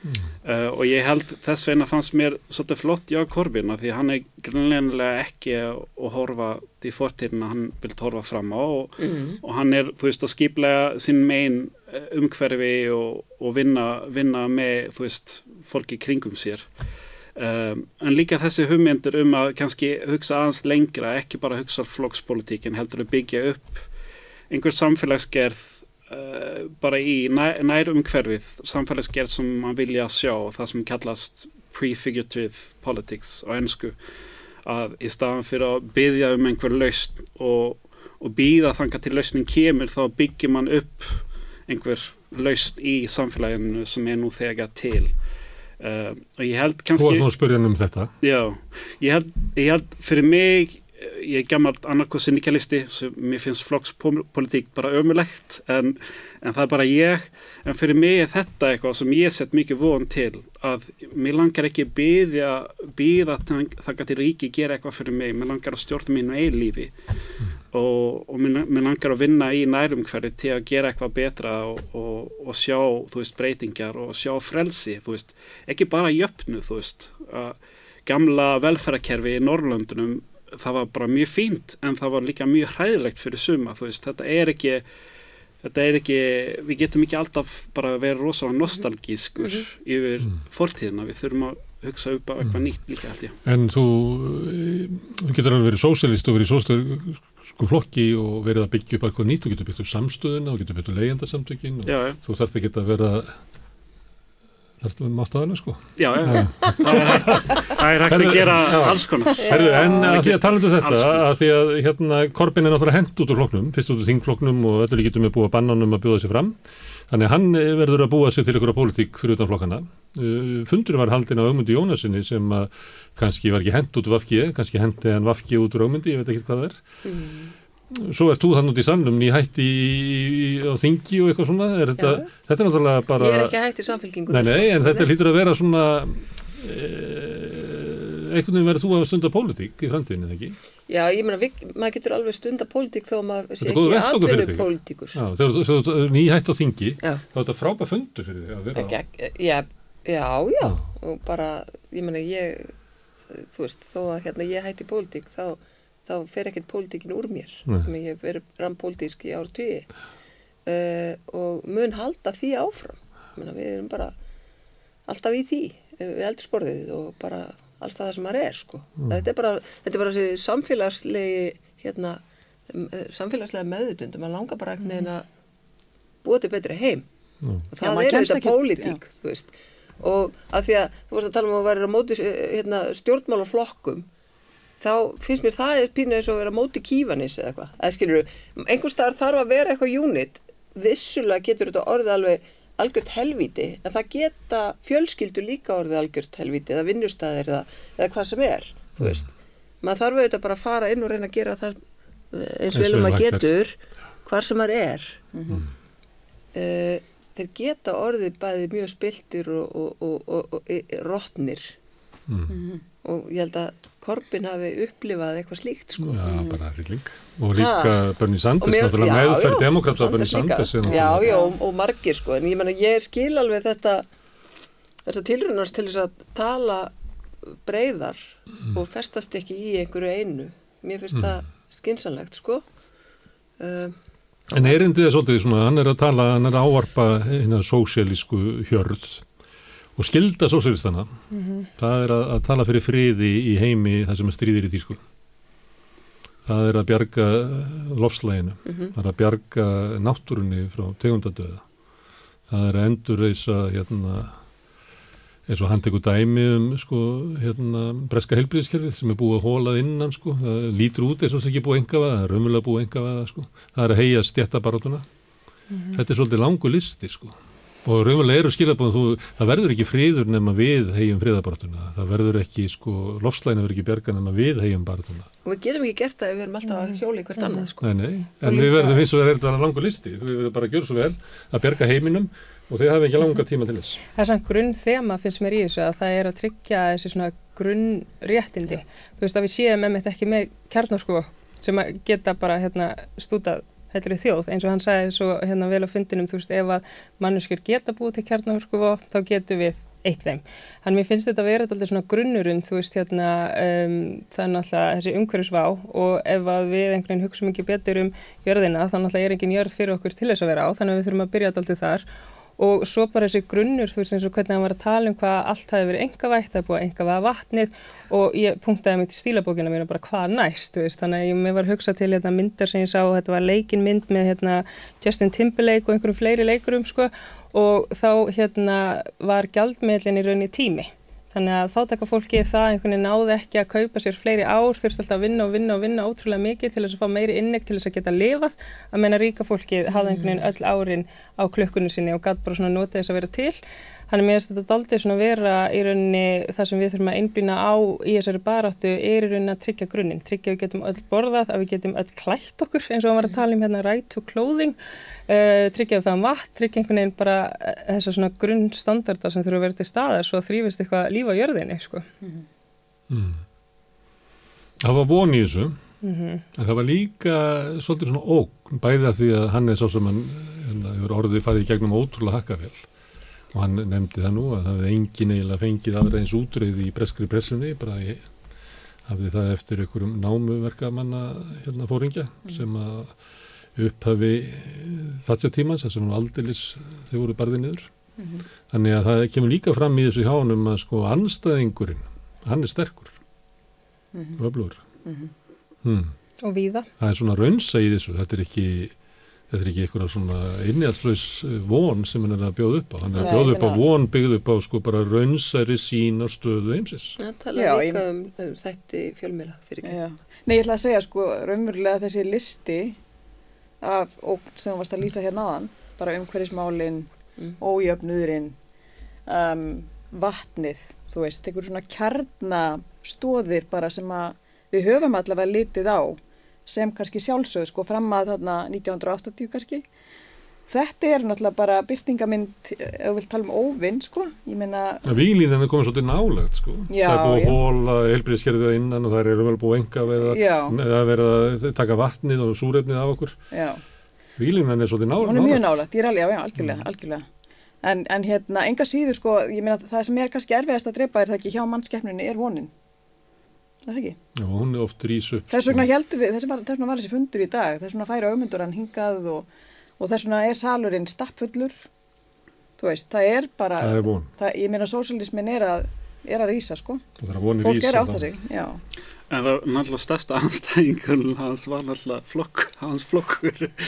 Eða, þú veist, mér finnst það svolítið svona, ok, við getum tala um sósialisma og breyðfylging og sameinast en bæði hann og Korbið, þeir voru náttúrulega skotið niður af sín eigin fólki sem er Mm. svolítið talandi, þú veist, fyrir, fyrir að þú veist, þegar þú komið með svona borgarlegt ríki með stjórnmálaflokkar, þú veist, þá eru sum takmörkanir og bæði bæði þó að, þó að Bernie Sanders var kannski ekki rosalega rótækkur í skandinavisku samhengi, þá var hann rosalega rótækkur í bandarísku samhengi. Mhm, og þú veist, þegar þú ert komin upp með eitthvað svona rótækni og náttúrulega það er náttúrulega auðljóst við þurfum á einhver rótækni okkar heimi til að til að, til að bjarga mannslífi eða til, þú veist, til að geta að lifa af en, að, en þegar þú komið með þessu rótækni þá ertu skotið niður af sín, þín einn flokki. Að mér finnst, mér finnst uh, þörf á að tala um það þá að mann vil ekki, ekki e, e, e, eins og Helga Vala, mann á ekki vera að skjóta hvort annað og mann á að vinna einhver sameinuð vinstri en, en, en samt mann þarf líka að gera grein fyrir raunveruleikan þeir voru bæði hend út eða bara drepi niður frá sín einn flokki. Já. hvað gerir mann með þessi lærdómur? Já, það er náttúrulega, annars vegar getur við reynd að endurreisa gömul barðutæki sem hafa hörnað eins og er kannski verið að reyna að gera í eblingu í dag. Já, eða þú reynir bara og segir að það er ekki hægt að berga þessu og byrjir upp á nýtt. Er það Já. ekki bara eina eilifa barata sem er búið að vera? Jú, jú. Svo má náttúrulega líka í þessu samengi nefna sko feðraveldið. Þú veist, ég meina þessi borgarlegu stjórnmálaflokkar, borgarleg pólitík, allt þetta kerfi er byggt upp af körlum, hugsað, teiknað upp af körlum. Það sem að hefur ekki reynd á í þessu samengi er einhvers konar svona, um, það er rosa vond, hérna, vond svona flip over að tala um patriarchy og svo matriarchy, eins og þetta speiklist sko, þú veist, að því að þú ert alltaf först bara í mælikvarðanum um, þú veist, heim, heimi sem að karlar hafa hanna fyrir sig og um sig, sko. með Að þú veist, eina sterka auðvitað- leiðtóa einhvern veginn. Alveg bara algjörlega, þannig að auðvitað er þú veist, þessar sögur sem er að gerast núna í heimi karlana, það er ekkert einhver endalók, sko. Það er alveg hægt að rístarta bara með til dæmis einhverjum svona feminískum öflum, þar sem að konur fá umverulega að vera bara konur á sínum einn forsendum en ekki út frá mælikurum karlana, heldur ekki í borgarlegur pólitík. mm. Það hefur bara aldrei verið reynd sko á Vesturlöndum, svo ég viti, nema bara fyrir einhverjum um, ár hundruðum síðan. Mm, ég ætlaði með að spyrja ykkur svolítið út í þetta því að hann talar um hérna ímiðskona baróttu, baróttu fyrir uh, réttindu flóttafólks, uh, lofslagsbaróttu og hungverisbaróttu almennt, uh, baróttu hann vísar til rasisma og hann vísar til alls konar hluta. En ég heyrði ekkert um, um hérna, hvernig fyrir þessi baróttuna?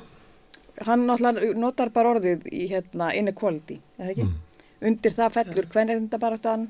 Barátta um, samkynneira, þú veist, kynsegin, hinsegin, transbaráttan. Ég skildi hann þannig, sko. Hann nefndi Ég meina, hann er trans. stór, hann er stór þemu. Já, hann var sérstaklega spurður út í trans. Hann var spurður út- Þess að sem hann nefndi það. sko. Akkurat, Ég já. ætlaði Já. bara að spyrja ykkur konur, hvort það hefði saknað þess að hann er að tala um hlutur kennabarátunar í því að, að bjarga heiminum.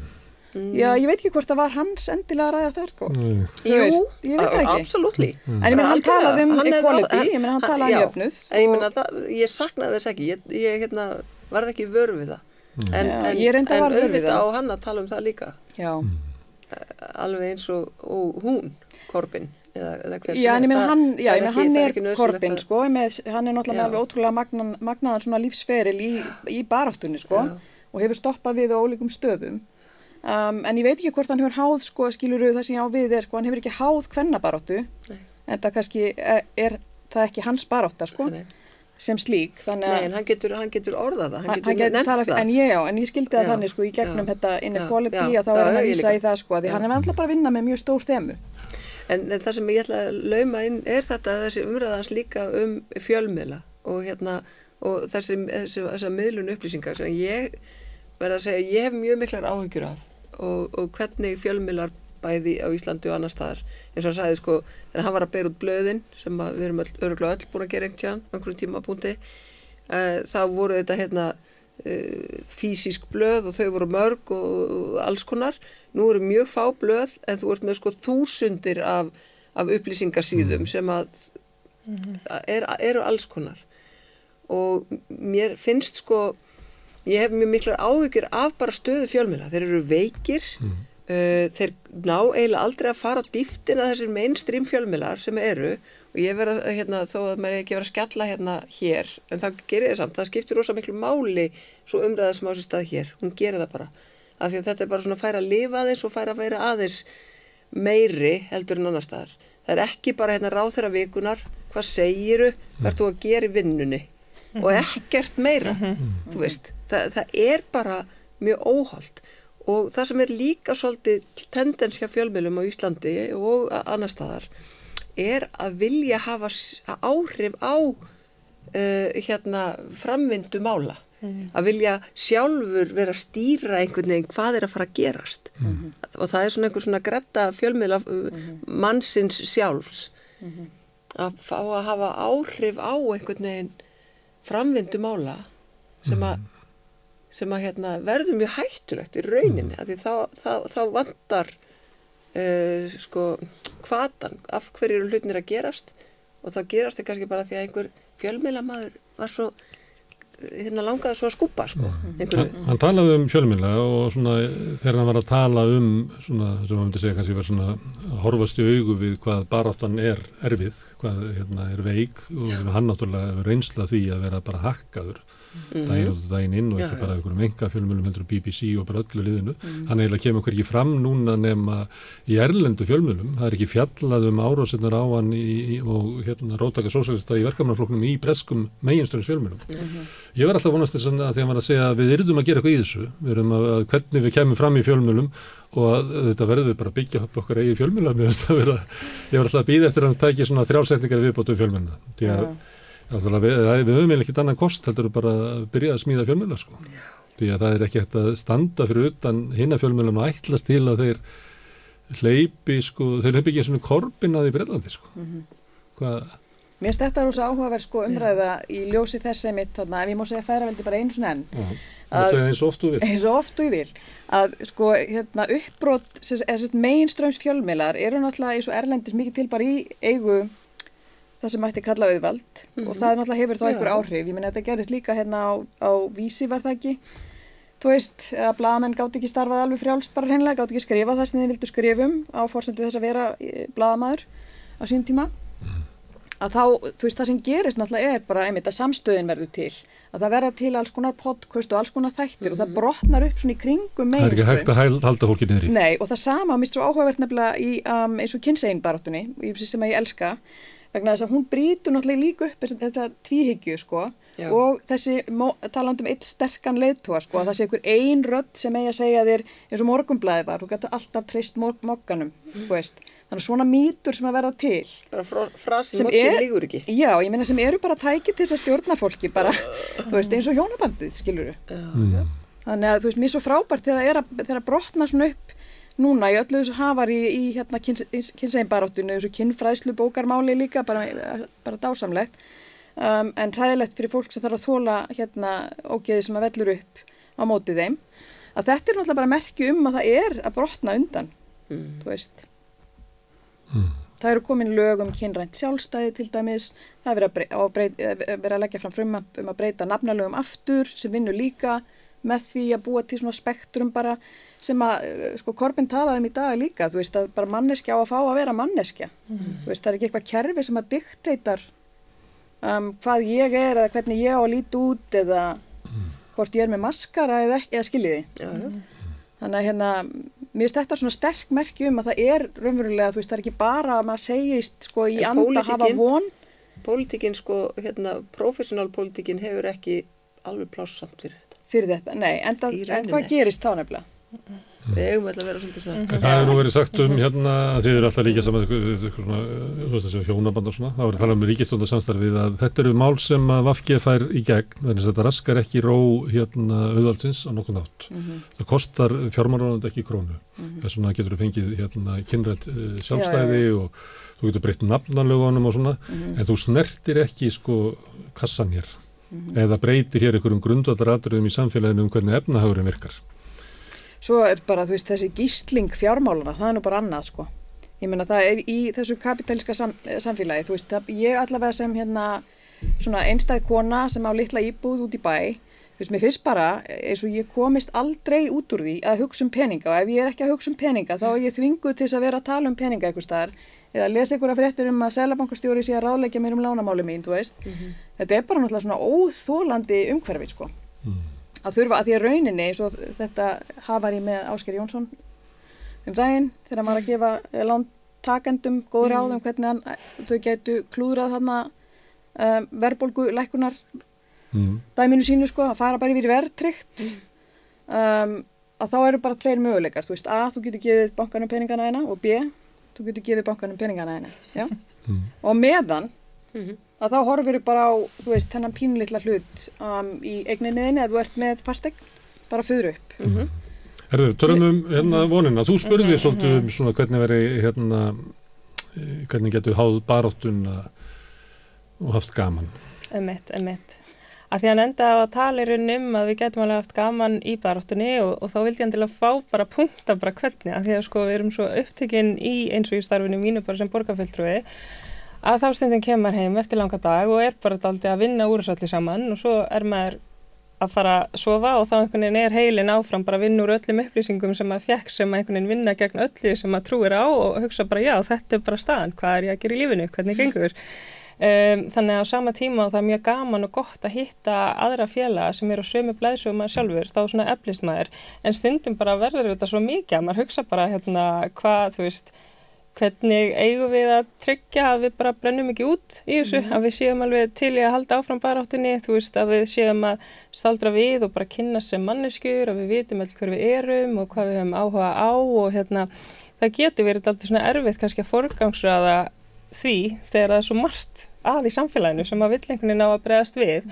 Og það sem ég fannst hann líka alltaf skilabúðin hans líka úr þessum fundi um, að sko við þurfum bara einhverja svona kerfisbreytingu, við getum ekki verið að plástra kerfið innanfrá til að laga þannig að það er aldrei það sem að þarf líka verið að gera að sko ef maður er í einhverju barátt og verið ekki að bregðast bara við öllu rugglinu, heldur líka að sitja á dagskrá einhverju svona hérna sínum það hvernig samfélagi við viljum búa í. Og það er náttúrulega grunnurinn þegar við erum öll að vinna saman og berja saman, þá trúum við á einhverja sín sem við viljum hafa, við vitum við viljum ekki hafa það eins og það er núna, en við ætlum ekki að breyta samfélaginu með því að leggja mig til að sælabankastjóri uh, fái heimil til að hækka vexti bara einu sinna ári að því þá verður allt betra fyrir okkur. Þú veist, það er bara allt þetta fjármála vætta kerfi, hvernig er einhvern veginn búið að markasvæða allt í samfélaginu, það er vandin en ekki eitthvað um, að þessi ráðherra hafi gert þetta og sett mm. fram svona ömuleg lög, heldur bara allt kerfi í mm. heilsinni sem er að halda bara okkur mm. niðri, sem að halda þeim niðri sem er ekki neitt og einhvern veginn hvernig við þurfum sko,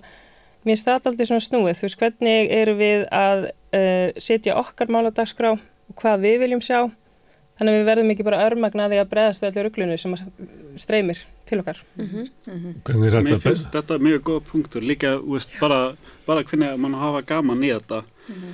og hérna þegar ég var meira politísk aktífur en ég er núna þá voru við að skýplega svona fyrirlæstaröðu með Róttaka Sumaskólan hitta og mér fannst það gegja að búa til vettvangur þar sem mann gætt ítt frá veist, bara social media bara kapitali, bara ítt frá og bara skapa vettvangur þar sem mann gætt hist án peningar og spjalla saman um rótæktmálefni og reyna að byggja einhver brú millir mismunandi reyfingar og samt reyna að hafa þetta undir einhver svona rótækjan hattur mm. og mér, mér fannst það rosalega gefandi en líka held ég byggja einhver svona byggja einhver breyðfyrking finnst mér bara mjög góð hugmynd. En líka kannski þurfum við að hugsa upp á nýtt hvernig við viljum hafa einu sinni voru vinstrinunu með rosalega sterk menning líka þú veist, við vorum eh, verkjalís rítöfunda og, og tónlistin var kannski meira politísk og eitthvað svona. Við þurfum kannski að hugsa upp á nýtt líka hvað hva við getum gert til að epla menningu og, og, og hvernig við expressa okkur politíkunni gegnum menningu af því mm -hmm. það er um það sem er vandamáli þú veist, alltaf, það er þessi gamla vinstri stereotýpa að vinstrinu er alltaf að benda á þeir sem eru vondir en get ekki sjálfi benda á það sem er gott. Að við erum að kvarta endalös í staðan fyrir að, veist, að gera eitthvað að byggja eitthvað upp sjálfur og ég held, ég held að það væri mjög gott og gaglegt fyrir margir að, að kannski að reyna að íta orkuna í þessu átt líka einhverja liti að byggja okkur upp og búa til einhver svona, já.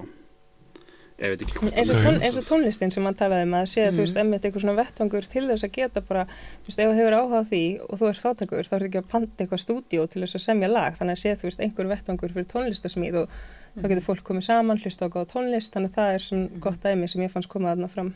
Mm. Það er gerð eins og var gert í gamla dag en ekki með sama hættu áður hérna alltíðsambandi var stopnað og þar með alltíðflokkurinn að þá fór fólk og bjóð til alltíðblæðið að því að við þurfum að hafa fjölmiðil mm -hmm. við getum ekki háð okkar baróttu inn í mokkanum eða tímanum, tímanum eða fjölmiðlum borgarættettennar og við þurfum mm -hmm. að fá okkur eigin alltíðhús við getum ekki verið gæstir inn í, í hérna, veröld borgarastéttarinnar og auðvalsins, við erum að eiga eitthvað hérna, vettvanga sem við hittumst á okkar heimavelli mm -hmm. og ég held að það sé bara komið tíma að við förum bara þangað mm -hmm. af því að það, það er eiginlega búið að ræna öllu af okkur sko, menningunni og músikinni og öllu dröttinu sko. mm -hmm. Er það? Já, eitthvað litið, já Ég er nú að bara svara Ég er ekki viss og ég sé til að gefa Nei. eftir hérna alla menninguna En hún er mjög markasvætt. Mér fannst, já, hún er mjög algjörlega, ég er bara, já, já, já. Skoðu bara alþjóðlega sko, myndlist, hún er náttúrulega stór brandar. Meginströms, hérna, menningin er það, vissulega. Já, alþjóðlega hérna, myndlist sem er nú bara eitthvað, hérna, peningaþóttur okkur ólíkarka. Já, já. Nú... Jú, jú, vissulega, vissulega. Það er eiginlega. Þannig að við verum að endurheimta listina, en það sem við byrjum á að endurheimta og við byrjum á í hátunni var endurheimta vonina. Já, klárt. Herðu, Sara, Bondus Helga Vala og Sanna kæra þakkir og en við ætlum alltaf áfram hérna eftir örskama stund. Þá kemur fleira fólk sem var uppnumið af ræðu Kormins sér rétt aðan Erum við höldum áfram að tala um sósialisma, eh, hvers vegna þarf á sósialisma, það var eh, Jeremy Corbyn var að spurja þessu og svara þessu í, í safnahúsinu núna í hátinu og hingað eru komnir nýri gæsti sem að voru á fundunum Jökull Solberg Auðunsson Trösti Breifjörð Magnússon Elisabeth Guðrunar og Jónsdóttir og Karl Hjeðin Kristjánsson sem er nýkomin í hús vegna þess að þú kerðir korpin út á hlugöld. Já, ég gerði það, ég fekk það neyður og já, það var bara æði að- rúnda með honum og spjalla eins við hann Já. Það Þú var stóð að segja- einhvern eitthvað krók svona til þess að ná meiru.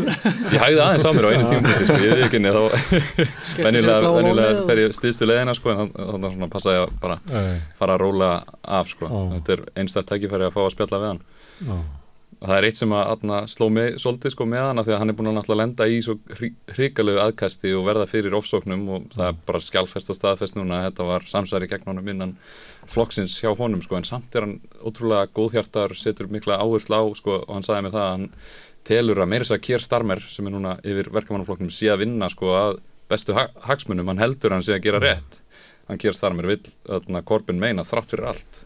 Þannig að hann leggur ekki ílt orð til nokkurs manns. verðist ekki vera Og hann er mjög, hérna, hann er viðkunnalegu maður og hann sá þig þegar hann var að tala við þig. mm -hmm. Það verið gerða myndir um að hefur gaman að fylgjast með því, hérna, það sem að, að hann er á fundi, það sem að margir er að tala, þá er þetta nefnilega svo augljóst að hann eiginlega drekkur í sig hvað annað fólk er að segja. Mhm. Og þannig hefur hann verið þess að verið á barátufundum um öll möguleg málefni og allir í vinstrinu gáttu treyst honum til fórustu. Mm -hmm. uh, sem þú er ekki að deila um það að okkur er, er veist, þessi úr þessum geira eða eitthvað lýsað hann hefur verið í baráttu með eiginlega öllum öðrum og allir upplifa eins og hann sé í baráttu með sér Mhm. þetta er þetta er ótrúlega maður hvernig fannst þér fundun, Jökull? frábær skemmtilega ræða um, frábær salur bara langt sinna hefur verið viðbyrður svona sem vinstri, gat, sem vinstri getur saminast um og, og hérna gaman eins og andlitin og, og uh, efnistökin voru svona kannski klassísk einhver leiti, verið að hamra á svona grunn punktum og grunn gildum og, og hugmyndum. En um, það sem tók svona mest út úr þessu var bara hvað hann var svona mannlegur og, og hérna, hann var bara svona einn af okkur einn af Íslandi mér að segja. Mm. og hérna kannski er, er, er, er það eitthvað svona sem að, maður tekur til sín. Bara hérna ekki gleyma því að vera mannlegur. Mhm. það er það best. Já, ég tek undir það, mm, maður fann það, um, spjallaði bara eins við hann og þetta var bara eins og spjallaði hvernig annar mann, maður upplifir þetta mitt ekki frá uh, fólki sem er kannski heimstækt myndi ég halda sko, að það er bara samræði við spjalliðum um hérna, hann var að spyrja mig út í bara hvað, af hverju svona lítið af hérna svona alþjóðlegu merkjum hérna með öðrum löndum? Og þá sagði ég við hann, já, það er kannski eitthvað aðeins minna hér, við erum til dæmis ekki með McDonalds. Og þá fór hann að spyrja eitthvað út í það og þá sagði ég við hann sko að á tíund áraturnum að þá var haldin svona hálfgerð messa þegar McDonalds var opnað í fyrsta skipti á Íslandi og Davíð Ótsson hafið þarna fengið prest og opnað það og hún fannst það mjög áhugavert og svona ég held að það sé mjög góður í að taka inn sko bara upplýsingar frá fólki sem hann spjallaði bara allstaðar að einhvern veginn sko hann einmitt talaði líka um það hann hafi verið að tala við uh, hælis eða flóttakonu og hérna og komið svolítið svona sláandi frásugna því að hún vildi vera læknir Mm. af því að hún vildi hjálpa fólki sem er verri en hún Mm. þannig að hann dregur svona til sín held ég bara bara í samtölum allt fólk sko Mm. upplýsingar og Þetta er í grunninu mannúðar baráta já, mennska og þú þarf mjög mikið mennska.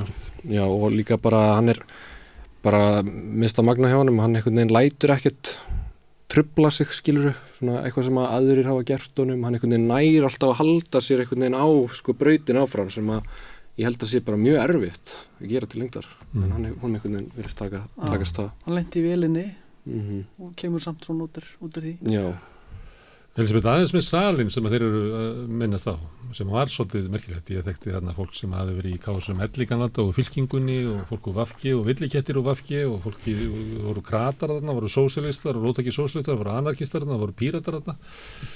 Þetta var svolítið svona ásótið, rótaku fólki. Já, mér leið pínu eins og ég væri í kirkju. Það er svona á góðan hátt, sko. Já, í þínum Já. söfnuði. Allir að koma saman og, og hlusta einhvern tala um eitthvað sem er mjög svona uh, inspirerandi. Svo ég nota nú ræðilega slettu. Já. Og þið fannst þið svo vera heima í þessum hópi? Já, já, það var kósi. Það er gott að hlusta á hann tala. Ég alveg, einmitt, maður tekur rétt í því hvernig hann, ég talaði mikið um þetta að hann hafi verið í, á alls konar á vettvangi bara að tala við fólk og ég held að til að vera góðu leitöð þú þurfum maður einmitt að geta hlusta á fólk og, og þeirra upplifun. Já. Herðu, en hann leggur fyrir, segjum hann sé áarpa sko sósálista, þá hérna, eh, eru hérna skilabóðin svona hann alltaf að gefa mikla von en hann er líka að segja að það verður að redda friðnum í heimi þar sem að stríðir í tísku. Það verður að redda lofslæginu það verður að redda náttúrunni það verður að redda samfélaginu sem eru brotna sundur af, af ójöfnuði að, og výlin er komin aðeins í nálat okkur, það er búið að hóla allt saman að innan og nú erum við að, við berjast fyrir því að vatnið sé almenningsegn sem að er nú svolítið víruð hugmyndum að svo sé ekki Gali. þannig að þetta er mikil verkefni mm -hmm. Já, ef, þú sko, ef þú helst að þú getur farið og hlusta á Jeremy Corbyn og fengi svona tips and tricks, Já. cheat codes Já. þá var það ekki neitt hannig Nei. hann var að segja að þetta væri í raun og veru erfitt. Rísa stór bara þetta er þessi stórt verkefni og hérna eina sem við höfum er bara hvort annað Já. í þessu. Þannig að hafa það stóð uppur í, í lók dagsins held ég, og áriðandi bara það áreiði bara það og hann talaði um svona fimm punta plan sem þau voru komið með, eitthvað svona áherslu atrið sem að hann var að reyna að samena fólk með sko. allir á vinstrinu, þau sem vilja umbætur að þau getu sammælst um þessi atrið Já. og unnið bara þeim þó þessu ósamála um hitt og þetta þá getur allan að við viljum ofinbært heilbríðiskeru, við viljum að öðlindirnar sé að nýtast okkur og sé ekki eigu ykkur að risa peninga fyrir bara át í heim veist, sem gera ekkert nema að draga úr því alla arðsemi og, og rústa þeim líka í þokkabót þannig að þetta er áherslan sko en, en hann, er, hann er alveg rosa jákvæður með að við þarna, stöðun hans uh, og líka stöðuna í heiminum. En þarna er vegvísirinn áfram að það er að, að finna hennan kjarnar sem við þurfum til þess að saminast um og fara fram á við með hann. Og hann laði líka áherslan var að tala um það svona, að þú þarfst að rekta samfélag í, í kringum þessa baráttu af því að þú ert bara eitthvað á nefanum skilur þá, þá er þetta ekkert að fara að ganga til lengdar. Og í bílunum spjalluðu svolítið um það að svona, hann hefur mikið áhuga á svona anarkískum hugmyndum hvað þetta varðar. Að byggja svona nær samfélagið upp líka en einnig, einnig þarna, flokka eða reyfingar Það var eitt af því sem ég tók einmitt mest uh, úr þessu sem hann var að tala um það er einmitt þetta að það þarf að byggja upp einhvers konar samfélag og, og félagastarf og þú veist, þú veist ekki bara í endilega barótið, þú þarft einhvern veginn að byggja upp svona svona stemningu þar sem að fólk uh, hefur um mjög fyrir hver öðru og gerir hluti saman og einhvern veginn eh, ég held að þú viljir einhverjar almennilega reyfingu sem að getur haldist saman bara í erfileikum að þá þarf að gera það. Mm. Svona enna var hérna fyrir morgun að á morgun eða fyrir dagsi, á morgun er hérna eh, samkoma í eblingu það sem er matarvisla og menningavisla það sem að fólk kemur með mat og, og félagarnir fagnaði hvað þau eru fjölbrytulugum umhverfi og borða saman. Mhm. og alltaf gleði. Mm. Sanna spurði líka um þetta hvernig væri hann svaraði líka þá um svona hann ta- talaði líka svolítið um svona átökin á milli samherja. Og svona ráðleikja það. Ég held að Sæþór hafi spurt hann svona um rótæknina hvernig er að vera svona ef maður er rótækar heldur en reyfingin og þá var ekki Korbin vil að segja það að, að, hérna, að fólk ætti að finna leið til þess að berjast saman Já, hann var að Mhm. tala um að fl- fl- flestum finnst ekki gaman að hlusta á svona rifrildi og svona Já. upp, uppnefningar og svo leiðis. Já, utan að komandi Já. aðilar sem að kannski er ekki alveg inn í þessari kreðsu sjá það bara og finnst að vera fráhrindandi Já, fólk vil ekki stökka beint inn í eitthvað rifrildi kemur ekkert út úr því Mm, heldur, mhm. má segja það sko. Ég held að hann myndi freka mæla með að við horfum á þau atriði sem við viljum sjá eins og, eins og opinbara helbriðstjónustu sem að er mjög skilvirk og þú gengur bara inn og, og það virkar að að einbytta á þessi atriði sem við viljum sjá En hann nefnir samt, eh, maður getur tólkað eitthvað þannig að við bara eh, allir getur lifað launin sínum, eh, ókipis heilbríðsþjónusta, svona eh, aðgengja mat og hann nefndi að vera svona bætti fötum í það líka. Að mannréttindi að að fá maður hugsaði föt. svona eftir að skrifa bara henda húsnaði í þetta líka. Mhm. Hann var með svona hluti, en svo var hann með að það var, ættum ekki að gefa neitt afslátt á, á málum sem að valda ágreiningi í samfélaginu eins og hvað þetta, eh, flóttafólks í umhverfismálum sem að segja um eitthvað svona gamaldags stjættabaráttu sósialisti myndi segja nei við skulum ekki láta þá ágreining trubla okkur. En hann á friðarmál hann segir bara að það er okkar hlutverk að tala fyrir friði þó svo að sko strísi í tísku. Og þeir verið rópaðir sem sko ef þeir tala fyrir friðar viðræðum að þá verið þið kallaði pútinistar. En bara, sorry Stína þetta er bara okkar hlutverk að tala fyrir friði. Mhm. þannig að hann var líka með sko óhyggað að ekki gefa afslátt á málum sem eru sko mikilvægt. Þetta sem- átólkuð með mér. Já, nei, ég held að sér sko, ég velti fyrir mig að allur salurinn þarna hafi tengt við allt þetta sko. Mm -hmm. varandi friðin og allt þetta þetta er búið svo brjálaðaslega heitar umræður á, Já. á Facebook og, og viðar hvar fólk er með, með þetta Já, allt. og engin afsláttur líka þegar bara kemur að mannúð, ég held að það sé svolítið sko, þema líka í þessu er að tala lofslagsmálurinn og, og hérna, flóttamálinn, þetta snertir allt mannúðina og eins og við komum inn á bara hvernig hann er sjálfur, rosalega mannlegur þú veist, hann gefur engan afslátt af þannig málum sem að varða bara þessi, þessi eh, mannreitindi fólks og, og ég held að þessuna sé mitt engin afsláttur gefin þar, einfallega líka bara út af því að þetta er mannúðarmál Hann talaði líka bara um, mikið um eins og til dæmis með mengun og þannig, þú veist, að, að eitthvað sem einn mengar, þetta hefur áhrif á alla plánutinu, þetta hefur áhrif á okkur öll, það snertir okkur öll, þú veist, þegar að líka bara einhverju eru skildir eftir þegar kemur heilbriðistjónustu, að nendi eins og í COVID, þú veist, við sjáum það að, að það er gott fyrir allt samfélagið að við höldum okkur öllum heilbriðum einhvern veginn, Þú þannig að líka stríð bara, þú veist, þetta hefur áhrif á okkur öll og þess vegna ætti þetta að varða okkur öll. mm. Hann er svolítið- er góður svona svona að taka heitast í þarna sko, þá er þessi einstaklingur Jeremy Corbyn, hann er hann náður svolítið vel til kannski sósalista held ég allavega flokksins og þá velti ég fyrir mér þú veist, hópurinn sem hann nær til sko, Mm. Mhm. að hérna Hann er rátt út fyrir hann, Helga var að náðan, hún var mjög uppnuminn á, á fundunum. já, Kom til var mín og segja, má ekki koma rauðaborð og tala um mynda? ég er einmitt að hugsa sko, ef að, ef að hann segir svona sömu hluti og sósalistar hafi verið að tala um Mm. að hérna kannski er hann svona góður að koma því orðu og nær svona aðeins að, að breyka svona ná, ná fleirum inn í þessu skilabóð sem að ekkert að þessu virka eitthvað bara að rótækt fyrir mig en fyrir mörgum er hann rótækur Mhm. og hérna kannski er maður að pikka upp eitthvað þannig hvernig á að tala um þetta hvernig á að nýta þetta allt saman til að búa til svona svona pott á skilabóðum mm. Mhm.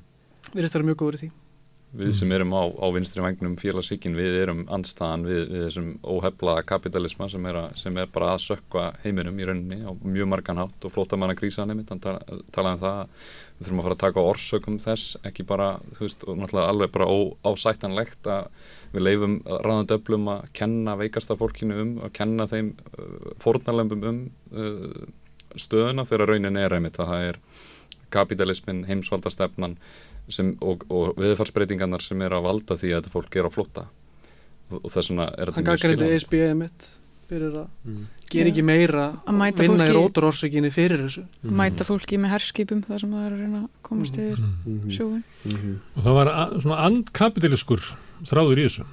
Mm. Þetta var andkapitalisk ræða. Mhm. Kapitalismin er að eðalegja plánutuna, eðalegja loslæð, eðalegja samfélagin og það er kapitalismin sem stendur í stríði. Hann notaði ekki þetta orð mikið samt. Það, Nei, hann er Það var- ein manneskja sem notaði orðið kapitalismi held ég. Og það var manneskja sem var að spyrja spurninga um, Einmitt, um lofslagsmál. Já, einmitt. Guð Þannig kannski er hann svona þjálfaður í að passa sig að einhvern veginn segja þessa hluti sem við erum líka ofta Ég að held tala um. nefnilega að þetta sé rosa mikilvægt að passa sig að forðast hættulega orðin sem að uh, auðvald fjölmjöðanir eru búin að breyta í einhvers konar triggerorð Triggerorð. og svona kveikir á einhverjum svona mótróa hjá rosa mörgum. maður þarf samt held ég að passa sig eða ekki ómikill orku í Nei, það því að þá getur maður glemt sér sko, bara Já, glemt já, já. bóðskapnum Nei, þetta er að passa sig og mikið er trikki sko. Já. en hann kannski er búin að ná einhverju jafnvægi þar En það er bara, ég hlýtur að vera, ég meina Mm. hann nær til rosa margra. mm. Breytar eru góður að tala sko. Hann er að hvetja til samstöðu en hann er ekki að hvetja til þess að við gefum afslátt að þessu. Nei, nei. og þess vegna var ég að nefna það að hann, þú bara verður að tala fyrir friði og þú verður bara að tala fyrir þessu. Það er ekki, bara engin afsláttur. Þú ert ekki- Samingi á milli þessar hluta. Já, þú ætti ekki að gefa neitt eftir á neinu þessu sviði. Þótt að sé erfitt, þá verður bara að halda róm Mhm. Mhm. er það ekki svona eh, ég upplega það Jú, hann var með þetta fimm punta plan sem hann talaði um og það var einmitt bara svona grunnþjónustan á að vera í almanna eigu, þú veist það á að, að starfa fyrir fólkið en ekki fyrir eitthvað fjármag, eitthvað fjármagseigundur þannig að hann er kannski ekki alveg að tala um að, að- kollvarpa kapitalismanum og hann sagði það, hann tók það fram að hann var ekki að tala fyrir því að þjóðu að hvern einasta geira í samfélaginu.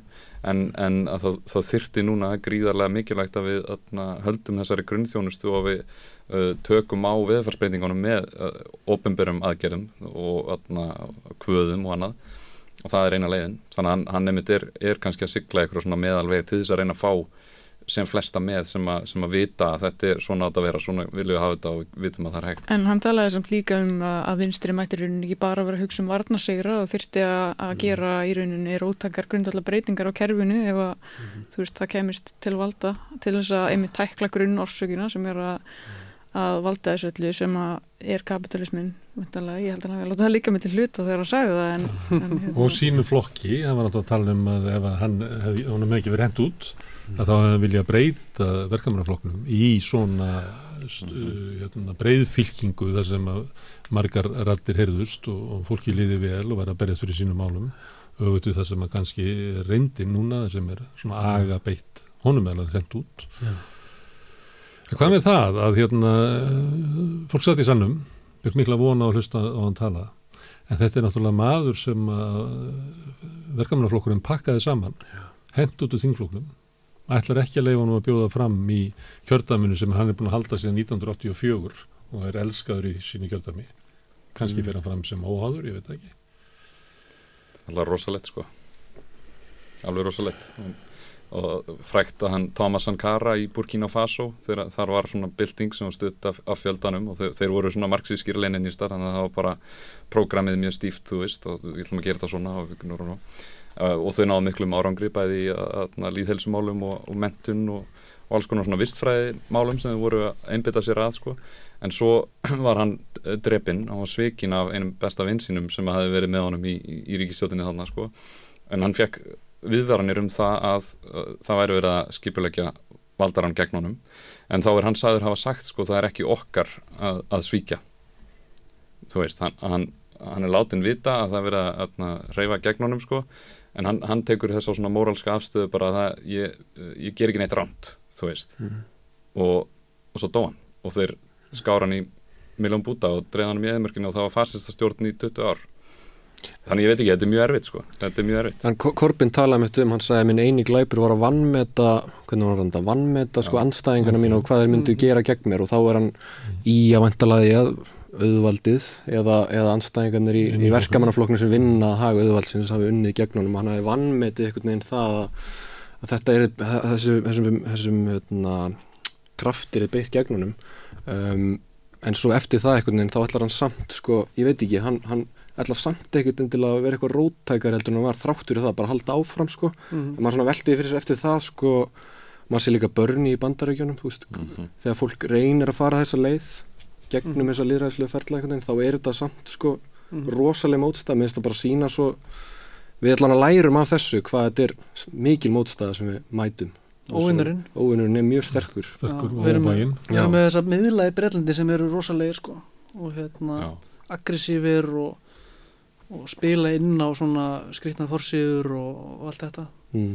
svo fórum við velta fyrir sig hvort að þetta sé nokkuð skárra hérna heima sko eftir að maður sá meðferðin á Mm. Solvönu og Mhm. ef að kæmist einhver jafn nálagt völdum og korpin ætli að sama myndi ekki sko, hvað mynd, hver mynd eru viðbröðin eru þau ekki bara svipuð, þú veist, við erum alltaf með mjög grimt auðvald á Íslandi breska pressan er náttúrulega bara, þú veist, þegar að tala um að fjölmiðlar sé að taka fólk af lífi, þá held ég að breska pressan sé svo sem kemst næsti að gera það bókstaflega. Já, hún sér að báti. Já, Mhm. Já, hún er rosalega sko. En með meðferðin á Solveig Önnu hefur náttúrulega verið svakalega hérna. Það er, þetta minnir á og það. það er bæði svona beinar árásir sem er oft í ge- í gennum mokkan og svona. En svo er það líka sko eins og rúfgerir að, að þeir sem eru róttakir að þeir eru svona fá bara aðra annað trítment sko við borðið. Á meðan að sko það er alltaf opið fyrir hérna greiningallitu bankana og samtökum aturlýsins og Bjarnar Ben og það er alltaf verið að tala um eins og þetta fólk sem segja okkur sannleikan sko en svo er alltaf svona hálf efingt allt það sem að gaggreinaldin segir minnst reyndar áhugaverð þessi uh, herrferð gegn Solveigunnu í fjölmiðlum að því að sko hún var það íkt að sko maður hefur séð fólk sem var fyrst á mótenni eftir alla umfylluna að það endaði að skipta um skoðun vegna þess að sá hvað fjölmiðla umfyllunin var orðin mm. Rosalega íkt og það var bara, nei þetta stendst ekki alveg. Þetta er eitthvað þetta er alveg frekar þannig að þetta er kannski ekki að virka jafn vel og það gerði. Þetta hefði virkað Þegar betur áður farið sennilega. greinilega yfir eitthvað strikana sem að fólk er eitthvað svona, nei býti nú við. Hún náttúrulega líka með svo öfluga gras út í kringu sig sem er mjög virka á samfélagsmiðlum þegar svona fréttir koma og þeir bara mæta sko og bara, þú veist, benda á þegar það er herferð í gangi veginn og þá, þá er eins og það líka veki sko almenning veginn upp og almenningu sé að fatta kannski betur sko hvaða bröguðum er verið að beita og það held ég sé kannski helst að svarið okkar við auðvaldinu er, er að ef við náum góðum fjölda og við séum mörg saman veist, að stefna að þessu sameinlega markmiði að, að þó að einn leittóin sé tekinn frá einhvern veginn eða disqualified þú veist á einn annan hátt og þá, þá eru bara aðrir sem taka við mm. þú veist og þá heldur bara áfram lifandi mm. En hann nefndi þetta sem svona þegar hann er því að þetta var bæði von og mikið svona raunsa í þessu hjá hann og hann nefndi mér annars að við verðum að bara finna út úr því hvernig við ætlum að hegða okkur í þessu fjölmjölu umhverfi sem við búum við. Mm. Ég var alltaf vonast að það myndi segja svona tvæð setningar í viðbútt, þá myndum bara að segja að við erum bara að stopna okkur eigin fjölmjöla það er bara eina sem ekki að sens. Sem við erum að gera. Sem við erum að gera sko. það er að hjálpa gríðarlega já, þannig að þið fengur von. Og ein vonin sem að því er búin að vera að tala um fólk hérna þá er svona að því að þetta er bæði von og svo svona svona raunsægi um hvað þetta er hérna bæði hatramur anstæðingur en líka hvað verkefnin eru stór og hvað eru brín þannig að þetta er, menn fari ekki út þarna í einhverju bleiku skíi sko, þannig að menn fara með langan lista sem við þurfum að gera. Að eitt sem hefur bent á hérna er að, að það er líka sko vonin rís líka að þegar að það er sótt að fólki og, og, og það sé svona þá ertu komið svona eins og trú á mannskeppnuna bara og maður sér þetta kannski að það er búið að brjóta niður verkefælsreyfingu í bandaríkjónum mm. og þegar auðvaldi er eiginlega komið með bara allræðu auðvaldsins í bandaríkjónum þá sprettur upp verkefælsreyfingu í Amazon eða McDonalds mm. eða það sé umvel ekki hægt að halda niður í fólki þannig að mm. þessi hatræmi anstæðingu sem að telur sig hafa all völd hann getur ekki sigrað af því að maðurinn ísa upp Er eitthvað þólmar þess að fólk segir ok, nú verði ég að aðstofa Það er líka bara, þú veist, það er í rauninni fólkið sem er að halda andstæðingnum eða auðvaldinu uppi. Ég menna að því að auðvaldi þarf á uh, vinnufólkinu sína að halda til þess að vera til veist, mm. þannig að á endanum þá náir fólki að saminast hefur það völdin. Mm. Ég held að sé líka nokkuð stort í þessu að við erum náttúrulega nýkomin úr, úr kaldastriðinu og höfst, sósalismi er bara atna, ræðilegt orð fyrir eða flestum þannig að við erum í raun kannski búin að gleima gildi sósialismans. Sósialismin var alls ekki bara Sovjetríkin. Lengu áður að Sovjetríkin komi var sósialismin verkefælis barata, þú veist, og, og nú eru bara, nú eru Sovjetríkin farin, áróðurinn virkar ekki eins vel frá, frá auðvaldinu í bandrækjanum og, og, og víðar og við sjáum bara hvernig fyrirtækin er að fara með okkur og fólk er að sjá ein, og finna á einn skinni að verkefælis barata skilar sínu. Mm. Hættan hann hlusta áskir Já, ekki hlusta það. Ég held að hérna, það sem Korbin gerði, þetta hafi bara verið byrjun í rauninni, sko, þetta var svona fyrsta uppreysan, sko, eftir þetta, já, ég veit ekki hvað maður að kalla það, niðurlæginga tíma byrjum vinstri, þess að vinstri var rosalega mikil, mikil í vörd, skilur það, því að kaldastri á búi, það var siguveri, það var kapitalíska heimisveldið sem siguraði það og þetta er svona, ég held að það sé bara byrjunni, sko, og auðvitað koma bakslögu, en þá bara höldum við áfram og mér finnst það svolítið vera það sem að korpin er á sko, við bara haldið áfram að sumi brauti, ekki meina að láta ekki sko allt tröfla okkur, bara þetta er bara sem Já, þetta er bara, svona virkar þetta bara. Þú veist, svona um aldamótin þegar það var svona end of history stemning þú veist, mm -hmm. það er bara, já, og núna er bara búið að ná þessu og það er bara allt rettað og feminismin er búinn og það er engin önnur hugmyndafræði og þetta er bara snill, ég held að þú veist núna er, er svo hugmyndadauð Já, að sagan sé búin. ég held að það hefur gert svona 2016 eða eitthvað. Þannig að ég held að það sé núna einmitt er tækifæri til þess að gera eitthvað nýtt. Nýjar hugmyndir, nýjar stefnur. Mm. og þá eru við kannski á stað það sem einmitt mikilvægst er að, að hafa vonina mm. og að trúa að við getum mótað fremtíðina mm. og, og taka þátt í barðinni en hvað, hérna, þú veist, er þetta þannig að við þekkjum uppskriftina, við þurfum bara að leita aðeins aftur í tímun og sjá bara hvernig þetta var gert og svona replaya nota, nota sömu aðferðafræði. Eða þú veist, að hvað leitið þurfum við að heimfara yfir okkar tíma og okkar mm. land og þannig að kom ekki mikið inn á það sko. Nei, það er kannski getum... samtalið þarf að kannski halda áfram Já, frá því, þessum fundi og reyna að halda bara annan fund. Mm. siðbyggjum sal og ræða það. Ræða hvað virkaði fórtíðinni hvað aðstæður voru þar hvernig hlutinir hafa breyst, hvað er í gangi núna sem er öðruvísi, ég menna það er allt annað umhverfið til dæmis bara með upplýsingaflæði mm. -hmm. með, þú veist það er erfið að ná aðtegli fólks, það er erfið að ná fólki á sama stað til þess að gera eitthvað. Það er alls konar svona uh, hlutir sem að er að vinna gegn manni mm. að samina fólk. En ég held samt að aðferðafræðin verði alltaf svipuð, þú vilt fá fólk saman til þess að vinna saman. En Það er endur skapita inn í nýjan samtíma. Í, Hvernig í er grunninn það sama en kannski, ég veit það ekki, eitthvað svona uppfærsla á sama grunninum eða eitthvað svoleið, sko. Mhm. Bara miða þetta mitt við þar aðstæðir sem við erum á þeim tímum sem við búum við og í hvaða landi við erum og þetta er náttúrulega bara misast eftir löndum myndi ég halda líka. Við getum ekki gert það sama kannski á korpingerði, bara út af það er alltaf þar pólitískar aðstæðar, alltaf þessi flokkakerfi og svona. En það er bara, einmitt. Ég held að þú veist, Mismunandi þegar við förum að ræða þetta, hvernig við heimfærum þetta, þá mun maður örgulega sjá sumt sem eru svona góða fréttir. Já, ok, þetta er auðveldar í dag vegna þess að ABC. Og svo er Já. kannski aðra hluti sem er, wow, ok, Mm þetta var auðvelt fyrir þau þá Já. vegna þess að þá samfélagið þannig. Þannig að svona, þetta verður svona samsuð af slæmum og góðum fréttum örgulega. Einmitt, algjörlega, en, en eins og ebling núna, þau, þau eru þarna, virk, fél- félagarnir eru mikið virkir mæta, þau eru, þarna, þau gefa ekkert eftir, þau eru með kröfunum sínar, þau vilja þetta og þau berjast fyrir því og, og standa saman í því og það er kannski svona er grunn, grunn uppskrifti. Og halda áfram að byggja upp reyfinguna, Mm mann fyrir mann. Það Mhm. er, það er ávinningur ef það eru þrýr fleiri virki núna heldur var fyrir fjórum mánuðum. Mm. Þannig virkar þetta. Þetta er Mm. bara, Og það er fjölbreytnin einmitt eitt af þessu nýju elementum já, og það er margt örgulega gott við hana. mm. Það er gaman að hittast og borða Já. matur á mismundi löndum en Mm. mm. tungumála barriðir kannski gerir aðra hluti flóknari. Mm. Herðu, ég heyrði okkur að fundurinn var upphafað einhverju. Mm. Þetta samtal okkar er hlutið af framhaldinu á því og við munum vera það hérna með á næstu vikum munum við halda áfram að, tala við fólk út frá þessu sjónarhóðni. Ég heyrði á augmundi að hann líka á þetta sem upphaf. Ég held að hann hefði vonum að það verði hægt að ná saman sagt, breyðum hópi rótex fólks til þess að ræða að, saman um það hvernig við eigum barátuna. Mhm. En þið eruð loka hollið hérna í þessu Já. já. Stemning. Jökull, Trösti, Elisabeth og Galtíðin, kæra þakkir.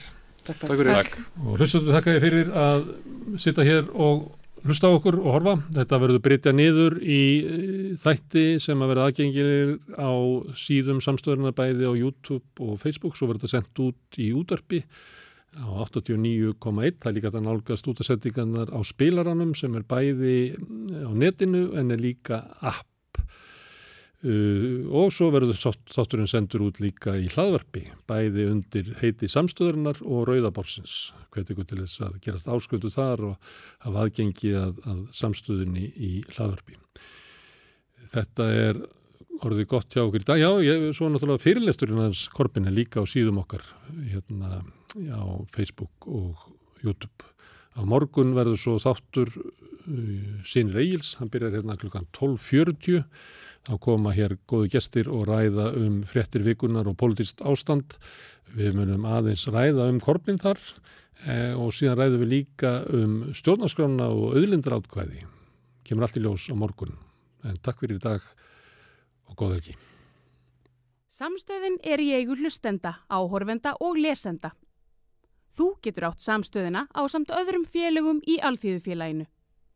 Þú getur gengið í Alþýðufélagið á samstöðin.is, þar er nappur sem segir skráning.